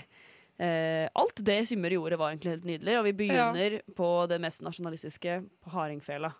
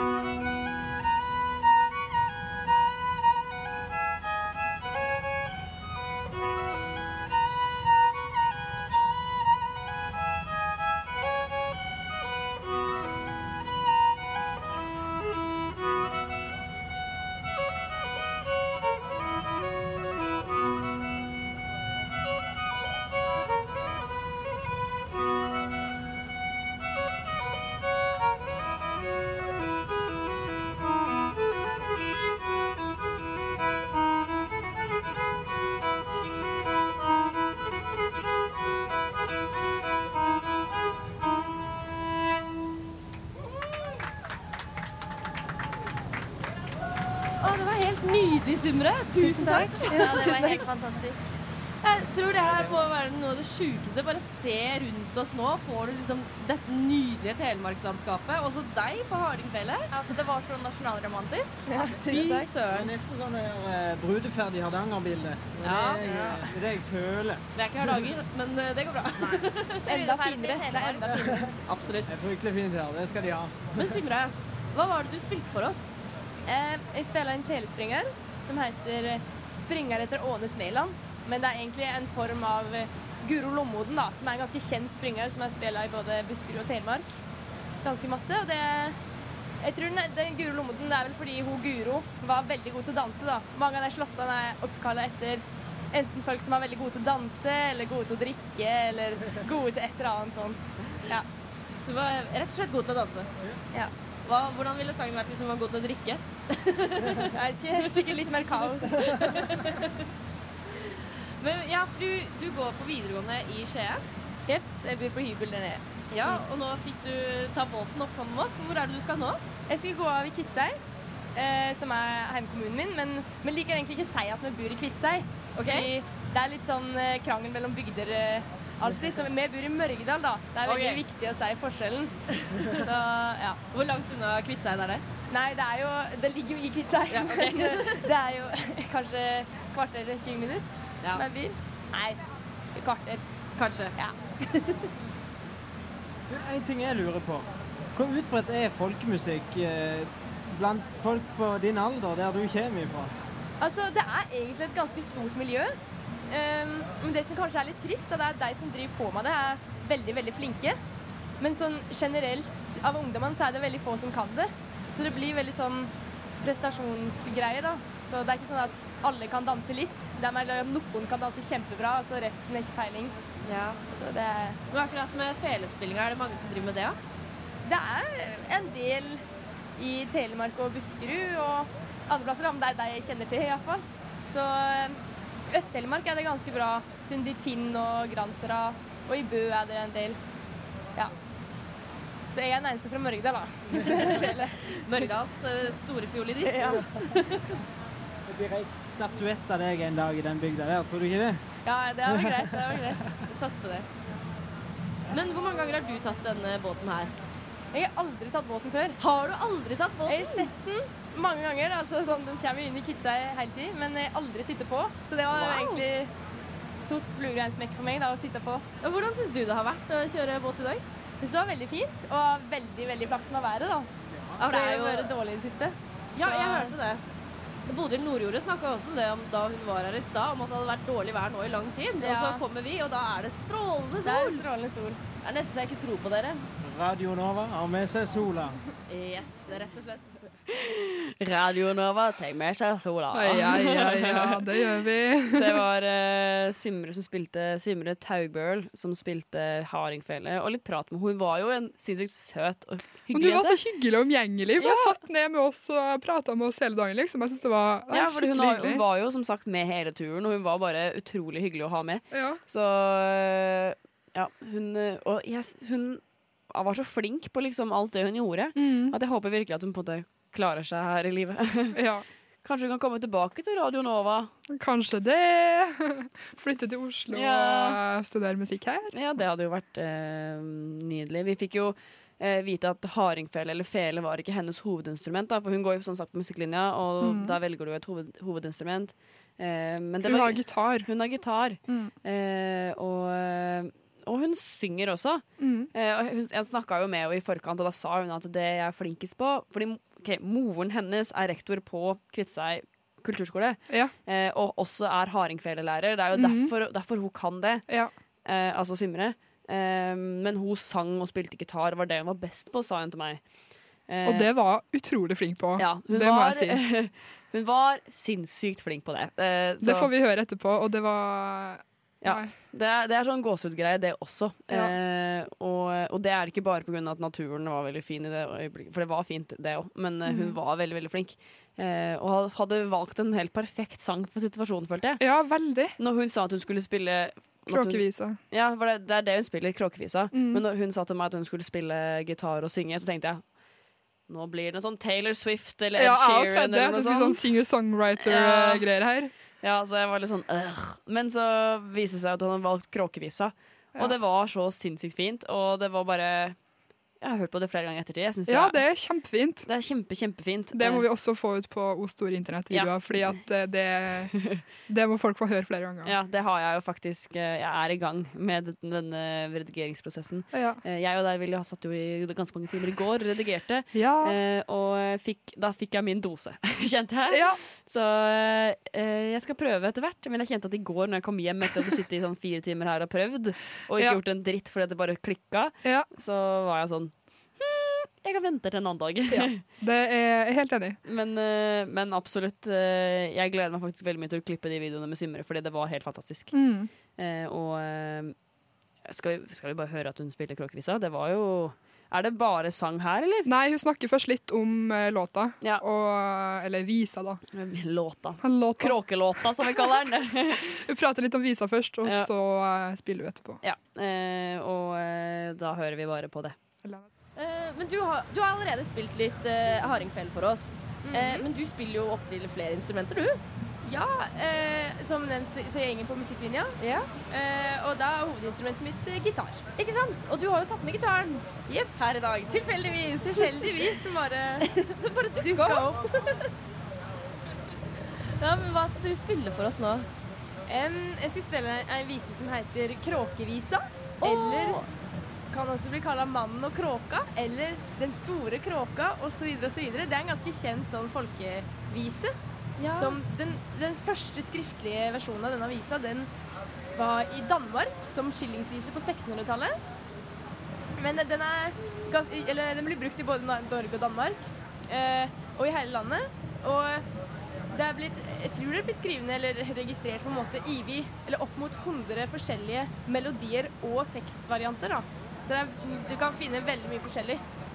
Um, og bestemor og bestefar de hadde en bok som heter Den store kråka.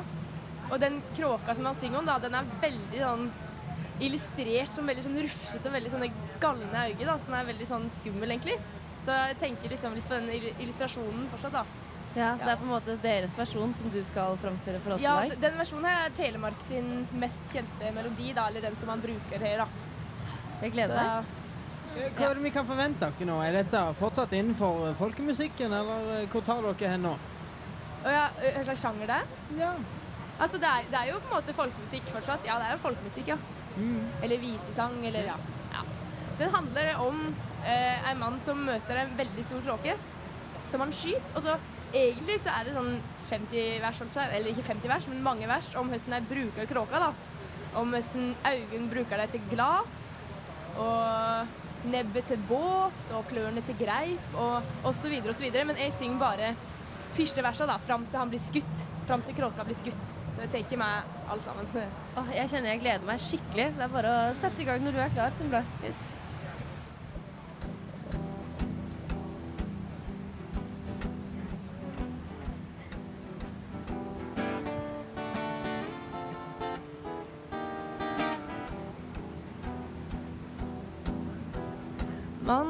gikk seg i vea skog, hei fara i vea skog. Der satt det ei kråke i lund og gol, hei fara, turi, tural, tural. Og mannen han tenkte meg sjølve seg, hei fara meg sjølve seg. Skulle tru om den kråka vil drepa meg. Hei, faral, turil, tural, tural. Nå har jeg galler hørt større skam. Hei, fara, hørt større skam. Har du hørt at ei kråke kan drepe en mann?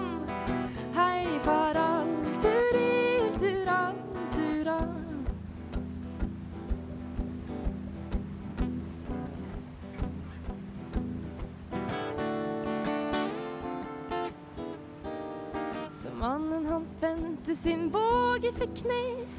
Hei, fara, sin båge for kne. Så skaut han den kråka så ho datt ned.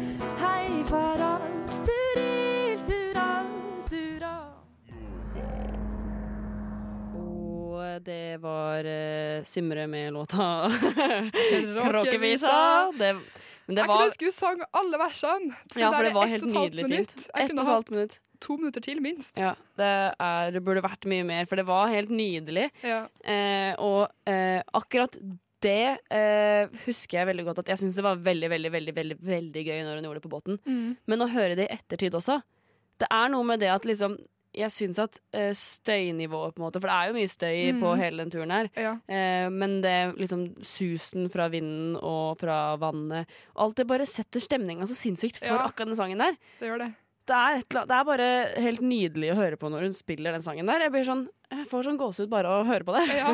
Nei, vet du hva, det Å, nei. Det var så bra. Det var Ja. så perfekt. Og det kommer videoer av dette på det store internett. Gled dere. Gled dere, fordi jeg husker at jeg var amazed eh, når jeg satt her. Ja. Og jeg blir amazed når jeg ser videoen. Ja. Så det er kjempe, kjempegøy. Eh, og hun er så sinnssykt flink. Hvor gammel var hun egentlig? Hun må jo ha vært 16, da. Gikk hun første året? Skal vi se, Jeg snakka med henne, fordi jeg eh, gikk jo også på samme skole som henne. Ja. Eh, og Dere hadde hatt samme lærer ja, og ja, vi satt og snakka om den læreren, jeg lurer på, og hun hadde den læreren og hun gikk i første klasse. Så jeg lurer på om hun var ferdig med første klasse. Akkurat. Så du skal begynne i andre nå, da? Ja, Men Ja. det kan også hende at du var ferdig med andre klasse. Ja. Eh, jeg er litt usikker. Eh, Uansett, ikke gamle dråka. skal Nei. jeg si. og hun hadde jo spilt eh, i, uh, i eh, Kviteseid kulturskole i Nei, Tokke kulturskole heter det kanskje. Du kan spørre meg Ja, om det. nå ble jeg litt usikker, men den kulturskolen hun gikk på, hadde hun spilt i veldig veldig mange år. Mm. Eh, og eh, på den måten jeg tror det er Kviteseid, dette. I hvert fall der mora jobber, Kviteseid kulturskole. Ja, da er det jo Kviteseid kulturskole. Eh, Må være det. Ja, det må være det. Nå ble jeg usikker.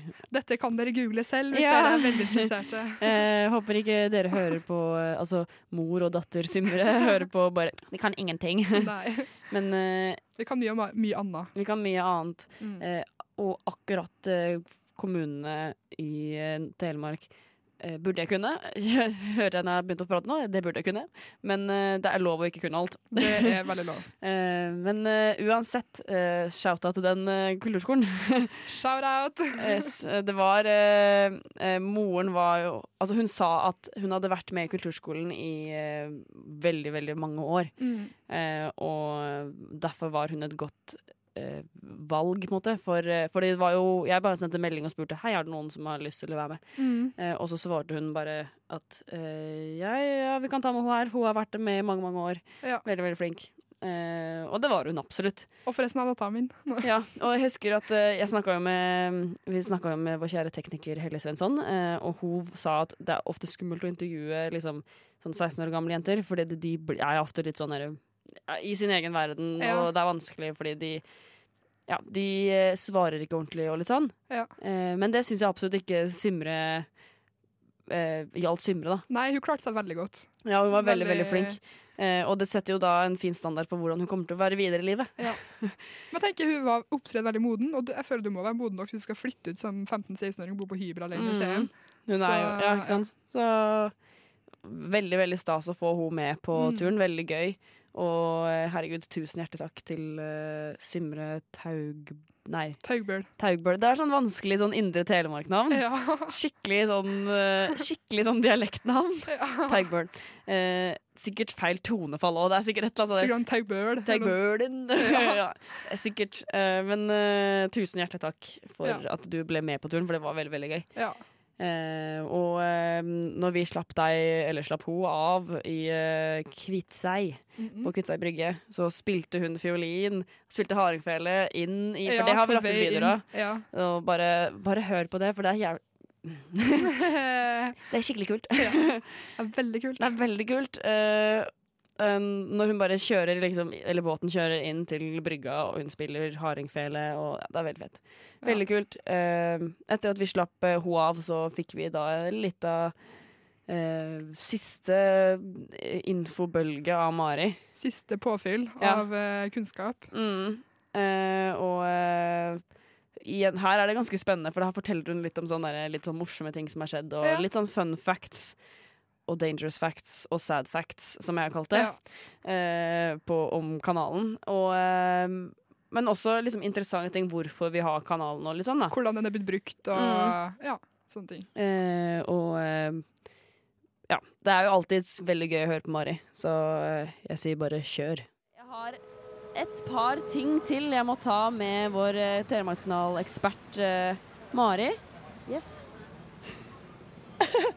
Oi! Ja! Oi! Oi! Det var eh, Ja, skal vi ta det med? Skal vi fortelle? Ja, ok. Mari, men hva var det vi nettopp så? eh, en, eh, en rumpe. Vi så en Ja, OK, greit. greit. Det var en båt som kjørte nettopp forbi, og han bare Flasha assen. Flasha assen så Ja. sykt opp til båten. Ja. Det var, Flasha assen, det var den. et stykk fin eh, Nei, det var Det ikke var- fint det var- engang. det Det var var, egentlig bare et stykk disgusting. mannerumpe, hva jeg skulle si. Ja. Men OK. Ja, men, eh, hva man ser. Hva, man man, lærer hva av å være på kanalen, altså. kanalen. Eh, er det noe annet vi har, har å lære om denne kanalen vår? Ja, altså eh, i, dag så kan det jo virke som at det her er bare sånn eh, ferieparadis hvor man koser seg og, og har det gøy og tar med seg båten sin. For, altså, fordi det er jo åpent for alle. Altså Fritidsbåter, private mennesker kan jo komme og, og reise her med, med, med fritidsbåten sin. Riktignok for litt penger, da, fordi vi i slusemannskapene skal på en måte ha litt for å gjøre den jobben. Men, eh, men ellers er det åpent for alle. Eh, og, men sånn har det jo ikke alltid vært. Altså, Telemarkskanalen blei jo eh, hovedsakelig bygd for å drive med tømmerfløting. Ja. Eh, og, for det er jo så mye skog her i Telemark. Eh, og eh, jeg har hørt rykter, eh, og fått det bekreftet, eh, disse ryktene. Men jeg har ikke noen sånn sikker kilde på det. Men at etter bybrannen i London eh, Det har jo vært flere bybranner, men en av de større bybrannene Den i, 16, den i 1666? Nei. Den store, liksom? Nei, en annen bybrann i London. Eh, for det har med slusene å gjøre, så det kan ikke ha vært 1666. Nei, nei, det Men stemmer. så skal tømmer fra Vinje ha blitt slusa Altså Vinje er helt vest i Telemark. Blitt slusa ned via Telemarkskanalen og frakta til London for å bygge opp igjen byen. Og det har også blitt brukt tømmer fra Telemark på å bygge opp deler av Amsterdam, f.eks. Ja, stemmer. Kanskje vi bruker tømmer herfra til å bygge opp Notre-Dame? Oh, det hadde jo vært meget dagsaktuelt. Ja, det hadde vært meget dagsaktuelt. Bitte litt av de pengene som er donert til det. Men uh, jeg kan jo tenke meg på den tida som det var eh, eh, Fordi det man gjorde før, var vel da å sende bare tømmerne rett ned fossen og bare se hva som skjedde. Ja, og det måte. var jo lite effektivt, for da blir jo tømmeret ødelagt. eh, hvis det skal gå rett utfor fossen. Blir splintra, og da, det jo, da får du ikke noe penger på det. Så derfor så brukte de jo da slusene. Eh, men det gjorde jo også da slusedrift, eh, både utbygginga og eh, fløtinga, veldig farlig, da. Så det er jo mange, mange, mange som har dødd av å jobbe her på den tida, da. Ikke nå i nyere tid. Det er ingen som har omkommet uh, nå. Men uh, jeg har lyst til å snakke litt om Det er jo en trist ting da, at folk dør og jobber her, men jeg har lyst til å snakke litt om det. Ja, altså Det var jo Da de bygde uh, slusene, så var jo det her før de store maskinene sin tid. Så for å kunne klare å på en måte Bare det å, å sprenge ut fjellet da, for å bygge inn slusa, da måtte man jo bruke dynamitt. Eh, og da var det jo veldig strenge regler, særlig på vinteren. da, Så måtte man jo ehm, eh, For at dynamitten skulle ha sin effekt, så må jo den være varm. Og det er jo vanskelig på vinteren, for da er det jo kaldt. Eh, og da måtte de innføre veldig strenge regler da, på hvordan de skulle håndtere den dynamitten. Fordi man hadde jo ikke noe sånt som het HMS eh, på slutten av 1800-tallet. Så det ble jo innført regler om at det f.eks. ikke var lov å oppbevare dynamitt på kroppen. Fordi veldig mange valgte å prøve å varme opp dynamitten ved å legge den innunder armhulen. Eller, eller ned i lysken. Det var jo lurt, da. Og så er det en liten splinter eller noe da, så går du i lufta, da. Og det var det mange som gjorde. Ja, Kanskje det, det var tydeligvis i hvert fall noen som gjorde det, som gjorde at de måtte innføre den regelen her. Som gjorde, det måtte de slutte med. Og ellers så Folk ble klemt i hjel, da. I guess. Men uh, i dag så er det jo ikke så farlig å jobbe på slusene. Nei. det har vel kanskje hendt at det har vært noen i vannet, og, Ja. og det har jo vært noen ulykker i ny og ne. Ja, og det er jo som vi snakka om i stad, at båter går på grunn og, og sånne Ja. ting. Og, altså, en av de morsomste historiene som jeg vet om da, fra Telemarkskanalen angående det der med ulykke eh, Det er jo ikke en ulykke, men Morsomste jeg vet om med ulykker. Ja, jeg bare syns ulykker er så sykt gøy!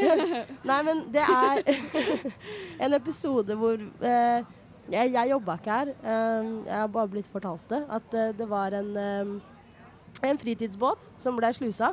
Og så var det han som eh, Da er det jo sånn at det, på, For rutebåtene har jo med eget tau. Eh, men fritidsbåtene får tau når de kommer til slusa av, av, av eh, slusemannskapet. Eh, og, Og det eh, tauet holder de seg fast i når de blir slusa, da, så ikke de flyr rundt i kammeret. ikke ja, sant? Ikke sant? Eh, og så eh, var det han som sto og holdt tauet da foran på båten. Han datt ut i vannet. Og da har jo vi eh, slusemannskapene fått liksom, eh, gode prosedyrer på hvordan vi skal eh, håndtere en sånn situasjon. Vi skal bl.a. stoppe slusinga helt fram til eh, eh, personen er tilbake i båten igjen. Det morsomme da er at han svømmer bort på sida av båten og prøver å liksom bare klatre opp liksom langs kanten på båten. Men da blir kompisen hans, som tydeligvis eier båten, så sur fordi at han ikke bruker den stigen som er bak på båten, at han tar og sparker til kompisen sin, sånn at han detter ut i vannet igjen. Og må liksom eh, reddes på nytt. Og det er bare så sykt teit. Sykt dårlig venn, liksom. Ja. Det kan jo tenke meg at det er litt panikkfølelse når du ligger i kammeret. Ja. Når det er vann som Og du er sånn, inn. du tror at det sluser, og du prøver bare å komme deg opp igjen og redde deg selv, og så blir du sparka uti igjen Ja. av kompisen din. For en forferdelig slem eh, person. Ja, det er Men det, vi har har en del uh, morsomme ja, Eller jeg, jeg har jobba på Vrangfoss sluse. Eh, og det er, jo, det er jo kanskje den tyngste slusa å bli slusa i. Så det har jo vært en del litt sånn uh, folk som eh, eh, ja, blir liksom tatt av fossen og litt sånn. Altså, ikke, ikke at det er noe problem, det er aldri litt farlig. Nei. Men ofte så blir de bare skylt ned av fossen. Ja. Og det er jo ofte sikkert veldig kjipt for de i båten, men uh, vi som slusemannskap syns jo det er litt artig. Ja. ja, du får litt vann på kroppen. Det er gøy. Det er gøy. Ja, Leke litt med dem. Tulle litt. Men uh, så er det sånn, hvis, det er, hvis det, er no, det er noen båtturister som er sånn litt ekstra gniende og sinna, og de er det jo litt morsomt å kødde litt med. Tappe litt ekstra hardt. Tappe litt ekstra hardt. det går litt fort. Da. Det blir tungt å holde tauet og sånn. Men uh, du snakka litt i sta- stad om uh, konger og sånn som har vært uh, i kanalen. Ja. Ja. Jeg lurer på Jeg tror du de opplevde noen ulykker? Nei, Tror ikke det. nei jeg tror ikke det. Men fordi vi har jo den kongeplassen da, i Ja. Vrangfoss. Eh, og så Jeg snakka i stad om at Oskar 2. Eh, var der. Og, men det er jo sånn, litt urelaterbart for oss, fordi vi har jo ikke noe forhold til Oskar 2. Hvem er han, liksom? Mm. Men uh, kong Haakon, den syvende, han var her. Altså danskekongen som kom til Norge da Norge ble norskt. ja. I, ja. Så bestefaren til kong Harald, han var her. Uh, og det var i 1912. Samme år som Titanic sank. Så Mm. det gikk jo bra for han, da. En annen som det ikke gikk for, så bra for, derimot, det var Fridtjof Nansen. Han var også, prøvde å kjøre opp Telemarkskanalen i en eh, båt som han kalte for Veslemøy. Men eh, ferden stoppet før Eidsfoss sluse, for da gikk han på grunn. Ja. Eh, og man skulle tro at en polfarer kanskje Ja, kanskje kunne, kunne, litt kunne litt eh, Hadde litt sånn villmarkens blod. Men eh, Mari, du har allerede snakka bitte lite grann eh, om eh, en vulkan her Ja. i Telemark. Og jeg er veldig, veldig, veldig spent på hva du har tenkt å si om den vulkanen. Jo, fordi det som er greia, er at det, Ulefoss, da, altså det lille tettstedet som vi har vært i i dag, det ligger inni, altså midt oppi en stille vulkan. Og det som er litt enda litt kulere, da, syns jeg, for, for jeg er litt sånn eh, rar, eh, er at det fins kun én annen vulkan av den typen i hele verden. Og den ligger i Tanzania, og den er fortsatt aktiv. Ja. Så det er jo litt sånn skremmende, fordi da blir man litt sånn øh, Ja, kanskje det blir vulkanutbrudd på Ulefoss? Kanskje. Og den dagen så er eh, Da vil jeg påstå at kanskje slusene er borte for godt. Ja. Så man må nesten bare ta og nyte disse, denne turen. Denne Før det er for sent. Ja, så det er bare å, Før dommedag. Før dommedag. Så det er bare å ta seg en liten svipptur hvis du har mulighet eh, hele sommeren.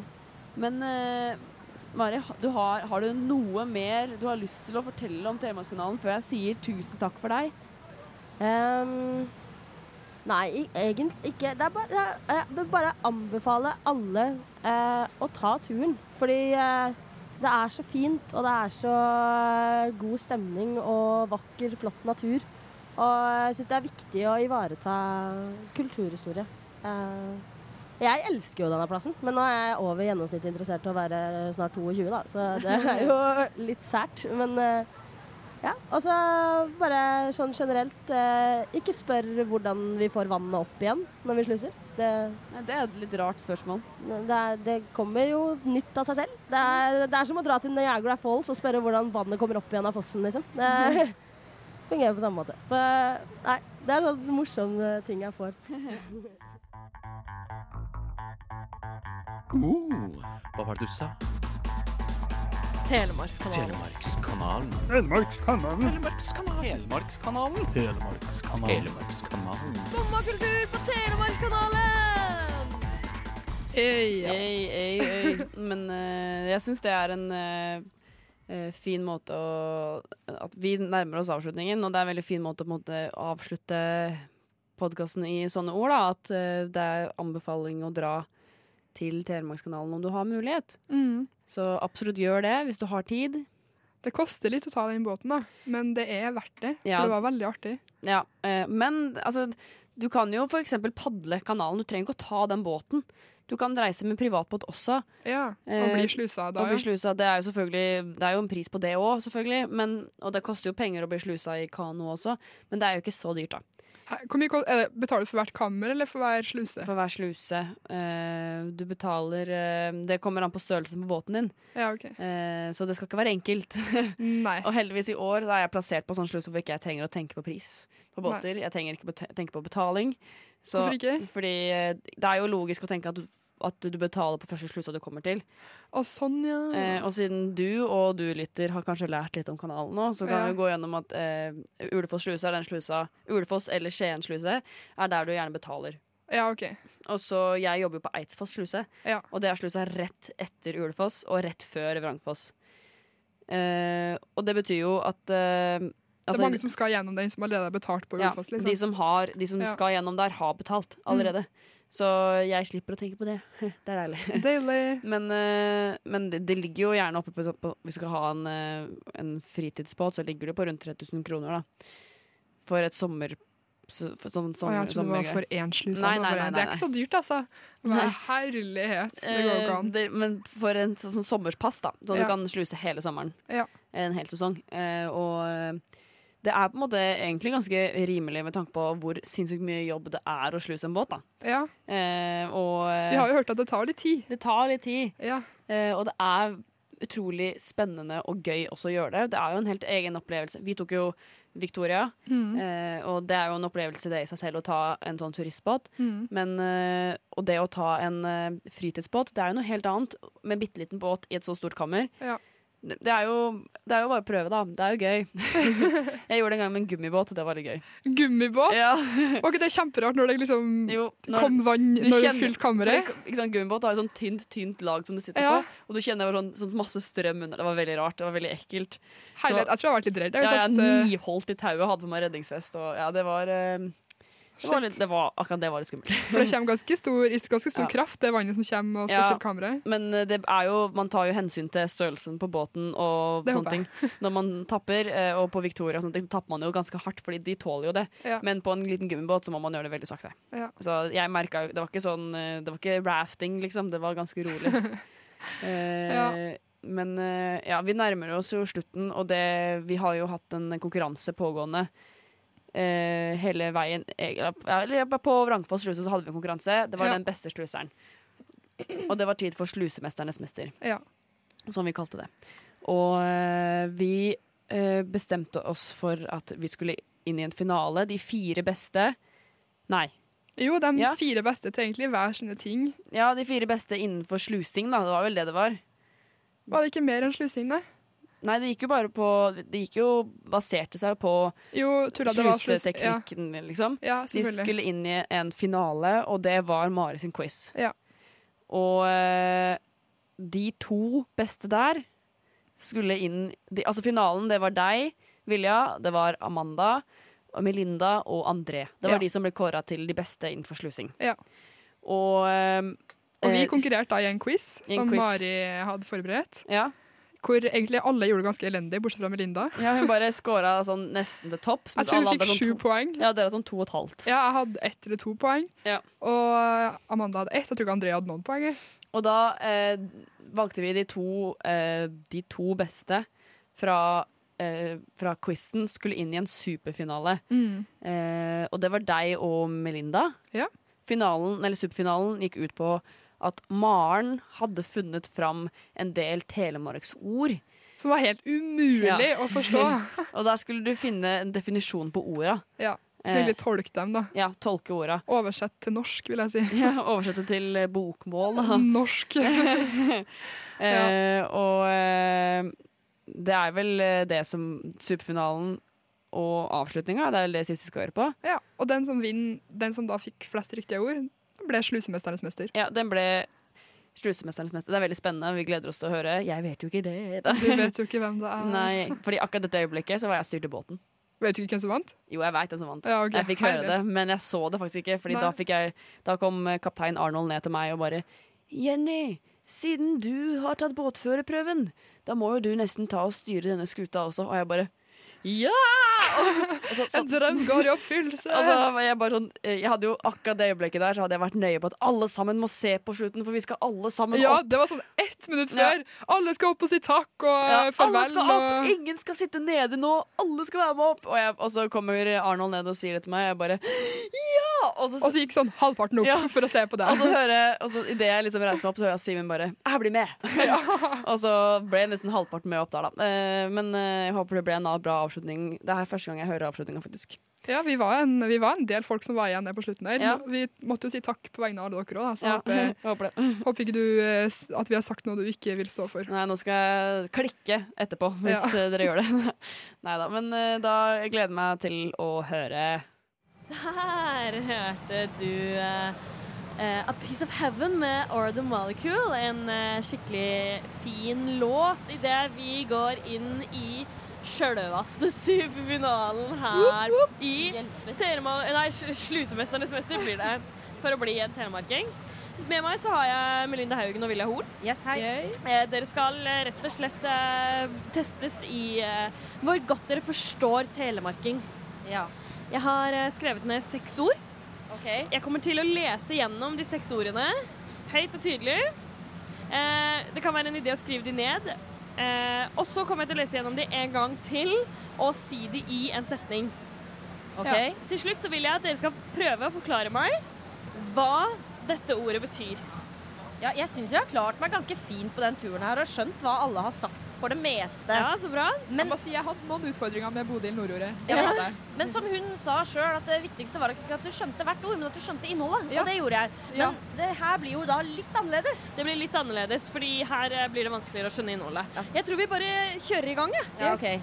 Eh, første ordet dere skal eh, tolke, er ordet røddekølle. Ja. Det var første ordet røddekølle. Eh, vi går til ord nummer to. Ord nummer to er skrumpebjølle. Skrumpebjølle. Skrumpebjølle. Dere skriver ned? Ja. Bra. Ord nummer tre. Det er jo så random. Ja. Ord nummer tre, det er solrøv.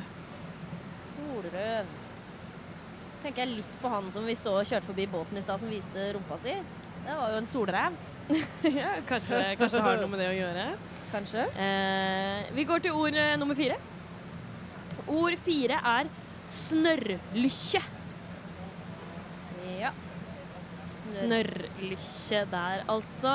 Jeg vet ikke om jeg staver det riktig. Det Men er ikke så farlig. det er ikke så farlig. Men jeg klarer jo å lese det sjøl. Dere klarer å lese det. Eh, det nest siste ordet, ord fem, det er mauskre. Er du sikker på at du ikke har funnet på disse ordene sjøl? Helt sikker på at jeg ikke har funnet de opp. Mauskre. Men er det her ord du bruker til hverdagslig når du er hjemme i Telemark? Absolutt ikke. Nei, ok. Gamle, gamle ord. Ja. Mauskre er eh, ord nummer fem. Ord nummer seks, og det siste ordet dere skal tolke, det er bastebjølle. Bastebjølle. Bastebjølle. Her kommer bjølle tilbake igjen. Yes. Ja, hva er dere jævla Hva er bjølla for noe? Eh, jeg tenker at vi går gjennom de en gang til, og da sier jeg de i en setning. Ja. Eh, starter med første ordet, røddekølle. Det kan man f.eks. si om noen man kjenner. Så kan oh. man si Hun er ei røddekølle. Det er helt annet enn det jeg Ja, hadde tenkt. jeg også. har egentlig funnet et ord på den allerede. Ja, jeg òg. Det var den jeg hadde funnet på. Men da får du begynne annet. er ei røddekølle. Ord nummer to. Vent litt, vent litt. Må skrive dere. Hun er ei. Prikk, prikk, prikk. Ja. Røddekølle, ja. Ord nummer to er skrumpebjølle. Eh, og der eh, ville jeg kanskje eh, brukt det i en setning som for eksempel det var ei flott eh, skrumpebjølle de hadde fått på Nykirken. Oi. Tredje okay. ordet er solrøv. Da ville jeg eh, kanskje gått bort til eh, noen som satt på terrassen og sagt Er du helt eh, solrøv? Eh, for eksempel. Fjerde ord snørrlykje. Der kunne jeg sagt eh, at eh, noe, Hvis noe er vanskelig, så kunne jeg sagt at jeg fikk rett og slett snørrlykje. Eh, hvis noe ikke går som det skal. Eh, mauskre, det er det femte ordet. Eh, og eh, det er eh, Kan man f.eks. si om eh, noen man sitter eh, sammen med og spiser? Skal man si at ja, hun er mauskre, eller det var Mauskre er vel egentlig ikke- noe man er, men noe man gjør, tenker jeg. Ja, mauskre. Og mauskre. Det siste ordet, bastebjølle, det er eh, noe jeg kanskje ville sagt sånn eh, Eller kanskje kjøpt i eh, gave når noen får en baby, f.eks. Eh, da kunne jeg kjøpt en bastebjølle. Ja. Eh, og det var, eh, det var alle orda, det, i, i, Ja. i setting. Eh, har dere fått, fått det ned på, på papir? Ja, men det er himla vanskelig. Jeg, kommer, jeg skal lese gjennom alle sammen en gang til, og så er det på tide å få, få noen definisjoner fra dere, tenker jeg. Ja, OK. Yes. Eh, altså, første ord røddekølle. Andre ord skrumpebjølle. Tredje ord solrøv. Fjerde ord snørrlykkje. Femte ord mauskre. Og sjette ord bastebjølle. Jeg sliter med den første, altså. Ja, den har jeg egentlig bestemt meg for. Jeg, Nei, jeg har du sliter det? med nummer to. Jeg. Det synes Ja. jeg var veldig sånn Å, Ja. det var fint de hadde fått det på kirka. Det er sånn Eh, da, men da, Ja. Vi- Vilja, da starter du med første ord. Å, men jeg, jeg, men, jeg må skrive noe. Hun er ei røddekølle, er hun, ja. Eh, hun er men ei røddekølle. ok, da skriver du, mens Vilja, vil Vilja sier hva hun tror det betyr. Nei, altså, fordi Før du kom med setninga, så hadde jeg egentlig tenkt at røddekølle kanskje var støvsuger. Ja. For det var rødde, altså Ja. rydde kølle, ikke sant? Ja, Støvsuger. den var ikke dum. Så jeg tenker at eh, rød, når du er røddekølle, Ja. eller, da tenker jeg at du er veldig sånn eh, ryddig og organisatorisk, eller Ja. hva man skal si. Veldig sånn ryddig, da. like å Og ha orden rundt deg. Melinda, hva tror du Eh, der? vi har jo tenkt helt likt, men bortsett fra støvsuger så tenkte jeg at dette er et gammelt ord. Så røddekølle så tenkte jeg det var kost. Ja. Okay. Fordi de hadde jo ikke støvsuger i gamle dager. Nei. Men jeg er jo fortsatt da inne på samme definisjon når det er Mm. at det er ei dame som er det, eller hun er ei røddekølle. Det er sånn, da, hun er ei ryddig grepa dame, liksom. Hun Ja. er et tak hun rydder opp. Ja. Skal jeg fortelle Da kan jeg avsløre med en gang. Ja. Eh, begge to har feil. Ja, det har vi. Eh, Selvfølgelig. Røddekølle, det er ei sladrekjerring. Ja. Oh, Den, ja. eh, den er grei. Mm. Den er. Sladrekjerring. Sladrekjerring er- er eh, Røddekølle betyr sladrekjerring. Ja. Skrumpebjølle, hva har dere skrevet ned her, jenter? Da kan Belinda gå først denne gangen. Eh, ja, eh, da gikk jeg liksom Fordi du sa bjølle, tenker jeg det er jo ei bjelle. Mm. Eh, og så det var ei flott ei bjelle de hadde fått på kirken. Da tenkte jeg, er det liksom en kirkeklokke, da? Uh, OK, ja. Det, det, jeg skjønner uh, resonnementet ditt. Det var tydeligvis ikke riktig, da. Nei. Nei. Jeg har også skrevet kirkeklokka. Ja. Ja. Jeg Eh, var innom tanken på spir, ja. men, eh, Men bjølle? Nei, det er det. Bjølle, ja, det er bjelle. Det, det er helt sant. Ja. Eh, skrumpebjølle, det er rett og slett ei stor, flott bjelle med god klang. Ja, men Det er jo ei kirkeklokke, det, da. Eh, ja, så det er ikke helt på tur der. Nei. Solrøv, da. Fikk vi ett poeng der, eller? Ja, der får dere et poeng. Yes. Hver? Ja. Ja. Skriv det ned. Ja. Ja, eh, ett poeng til meg. Solrøv! Da er det din tur å begynne, da. Ja, tenker jeg eh, sol, og så røv, og tenkte jeg liksom på eh, Jeg tenkte på liksom eh, tyv, da. Så at hvis at du er solrøv, da sitter du foran noen i sola, så at en person bak deg ja, får skygge. røvesola. Ah, Ja, den var cool. Jeg tenkte Ja. ikke det, da, for jeg tenkte rød, så tenkte jeg rød. At du er sol, rød, altså solbrent, tenkte Ja. jeg. Eh, det er eh, Du er nok nærmere, Melinda. Solrød innom er en som Ah. har sovna i sola. Ah, Å, ikke sant? Kan jeg et halvt poeng? Eh, ta et halvt poeng. Ja, okay. Vi eh, må kjøre på videre. Ja, Tida vi flyr det. fra oss. Ja. Snørrlykkje. Fort deg på. Ja. Hva tror dere snørrlykkje er? Eh, Da er det min tur til å begynne. Det jeg gikk for, da tenkte jeg snørr, det har noe med hodet å gjøre. Og hvis snørret liksom tetter for tankene, at du har litt hjerneteppe, rett og slett. Ja.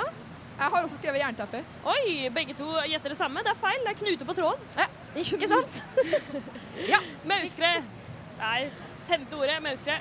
Da har jeg at eh, det er noen som spiser sakte. Ja, jeg har noen som er småspist, for jeg tenker på maur. Et Ett poeng til Vilja. Spise sakte er helt riktig. Oh my god. Siste ordet er bastebjølle. Hva har dere svart her? Herregud, her har jeg to, skrevet ned to ting. Jeg må bare Nei, velge det går ikke an. Ja, Da starter vi med Linda. Ja, men Da kan jo hun stryke ut Å ja, OK. Vilja Vilja. starter nå, da. Kom igjen. Okay, Kjapp har, på. jeg har valgt. Jeg har valgt. Okay. Da, da får du begynne, Vær så god. Jeg stoler Eh, ikke der på har det. jeg valgt eh, smokk. Smokk, ja. Jeg har valgt eh, babyrangle. Rangle er helt Rangle. riktig. Rangle. Ja! Og det betyr at det blir uavgjort. To og et halvt poeng til hver.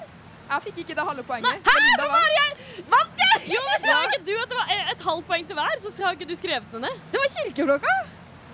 Nei, det var på solbrent. Fikk ikke du et halvt poeng fordi du oh, ja, hadde jo, sovna i da er det Melinda som har var det. Følger for dårlig med som programleder. er Da var det rett og slett og Melinda som er Slusemesternes Slusemesternes mester.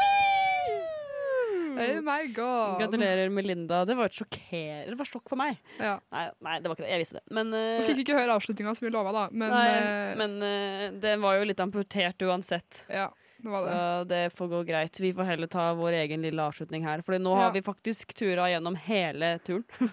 Tura gjennom hele turen. Ja, vi, har, vi begynte i Skien, vi begynte på Løveid og endte i Dalen ish, da. Eh, Ja. For vi, var jo ikke, vi kunne jo ikke holde på helt til Dalen, vi måtte jo rigge ned. Men vi var jo ikke langt unna dalen, da. Nei, nei, det var jo ganske nærme, og Mm. eh, vi har faktisk hatt en, da en ti timers produksjon, for det var ikke liksom noe tid til å liksom Altså når vi var ferdig, så var det ikke sånn at nå kan vi slappe av i to timer. Det var, Nei, det var alltid noen som holdt på med noe. Ja. Det var liksom, ja, hver sin tur å sitte og ikke gjøre så mye, men Mm. det var alltid noen som hadde noe gående. Mm. Det var Så altså, hvis jeg var ferdig, så var det jo ikke sånn at jeg kunne Jeg kunne ta meg en liten pause, men det var fremdeles liksom noe å få med seg oppe. Mm. Og det var jo et godt tips til alle å eh, følge med, fordi alle de tinga til Mari var veldig viktig å få med seg for å klare seg i quizen. Ja, det var det. Eh, og eh, ja, det var eh, Det var veldig, en veldig veldig gøy tur, og jeg er veldig glad for at vi fikk det til. Jeg håper at du som lytter har hørt gjennom det her nå, skjønner hvorfor vi før vi hørte alle klippene sa at det her var helt fantastisk av alt sammen. Fordi nei, bare alle folkene, alle som har gjort alt, alle gjestene, sammensetninga, alt, det ble så bra. Ja, og, og herregud, tusen hjertelig takk til Victoria som ga oss muligheten til det. For Ja. vi fikk jo faktisk den turen der gratis for å gjøre det. Ja, det, Tenk så mye penger han kunne ha fått hvis Ja. alle vi skulle betalt billett. Ja, det hadde vært, eh, da hadde det jo vært masse penger inni kassa, men Ja. eh, jeg regner jo Eller jeg syns jo det er veldig hyggelig at de setter pris på at vi gir et eh, Altså lyser det ut til resten av Norge, da. Eller Ja. iallfall resten av Student-Oslo. Ja. Det veldig gøy å, å faktisk få lov til å gjøre det her. Det har vært eh, helt sinnssykt gøy. Eh, og nå glemte vi jo å presentere Sym... Nei, ikke Symre, men eh, Selma. Ja, Eh, Selma og eh, Martin. Og Martin og den siste time, liksom. Det Ja. var jo eh, Melinda, Selma og Martin. Mm. Og Selma er fra Studentnyhetene. Mm. Det var veldig veldig gøy å få hun også med. Hun var også litt sånn som sa ifra i siste liten. Ja. Som var sånn Ja, vi kan ta deg med. Det er gøy. Og så ble hun med, og så ble det bare kjempe, kjempegøy. Eh, og eh, de hadde jo et helt fantastisk intervju med Symre. Ja. Og- Det var Nei, veldig hyggelig. Veldig, veldig hyggelig. Og utrolig artig at alle sammen hadde lyst til å, til å eh, være med. Og nå sitter jeg og Vilja her og er eh, rimelig varme. det er varmt i studio. Det er litt varmt i studio etter en, litt over to og en halv time her inne. Så eh, vet du hva, jeg tror at vi bare skal gjøre sånn her. Ooh la la la la Nova. En velkjent melodi. En velkjent lyd der, og eh, det betyr faktisk bare at vi må komme oss ut. Eh, Ja. Det her er vår lyd til å get the fuck out, yes. og eh, blitt vant til det. Hver gang den kommer, så blir jeg litt sånn stressed out. Jeg blir alltid sånn, å shit, nå må jeg komme meg ut, nå kommer Ja. et nytt program. Ja. Men det gjør det ikke, for det her er en podkast. Det er en podkast! Og du kan, hvis du vil, så kan du bare gå tilbake og høre om igjen og Du kan spole akkurat som du vil. Ja, Hvis du, du- har lyst til å høre Simre synge igjen, eller Simon Ja. eh, sin opptreden igjen, du kan bare spole tilbake. Eller prøve å høre Bodil igjen for å skjønne hva hun sa. Så er det bare å spole rett tilbake. eh, og eh, det er the magic of podcast. It's fantastic. Så tusen hjertelig takk for at du har hørt gjennom hele greia. Ja, all ære til deg som Ja. har orka å høre to og en halv time. Men to og en halv gode timer, vil jeg Ja, si. ja, ja. Det har vært uh, helt sinnssykt gøy. Eh, og uh, håper du hører mye mer Radio Nova og Skum og kultur i fremtiden. Yes. Tusen hjertelig takk! Du har hørt en podkast fra Radio Nova. Likte du det du hørte? Du finner flere podkaster i iTunes og på våre hjemmesider radionova.no.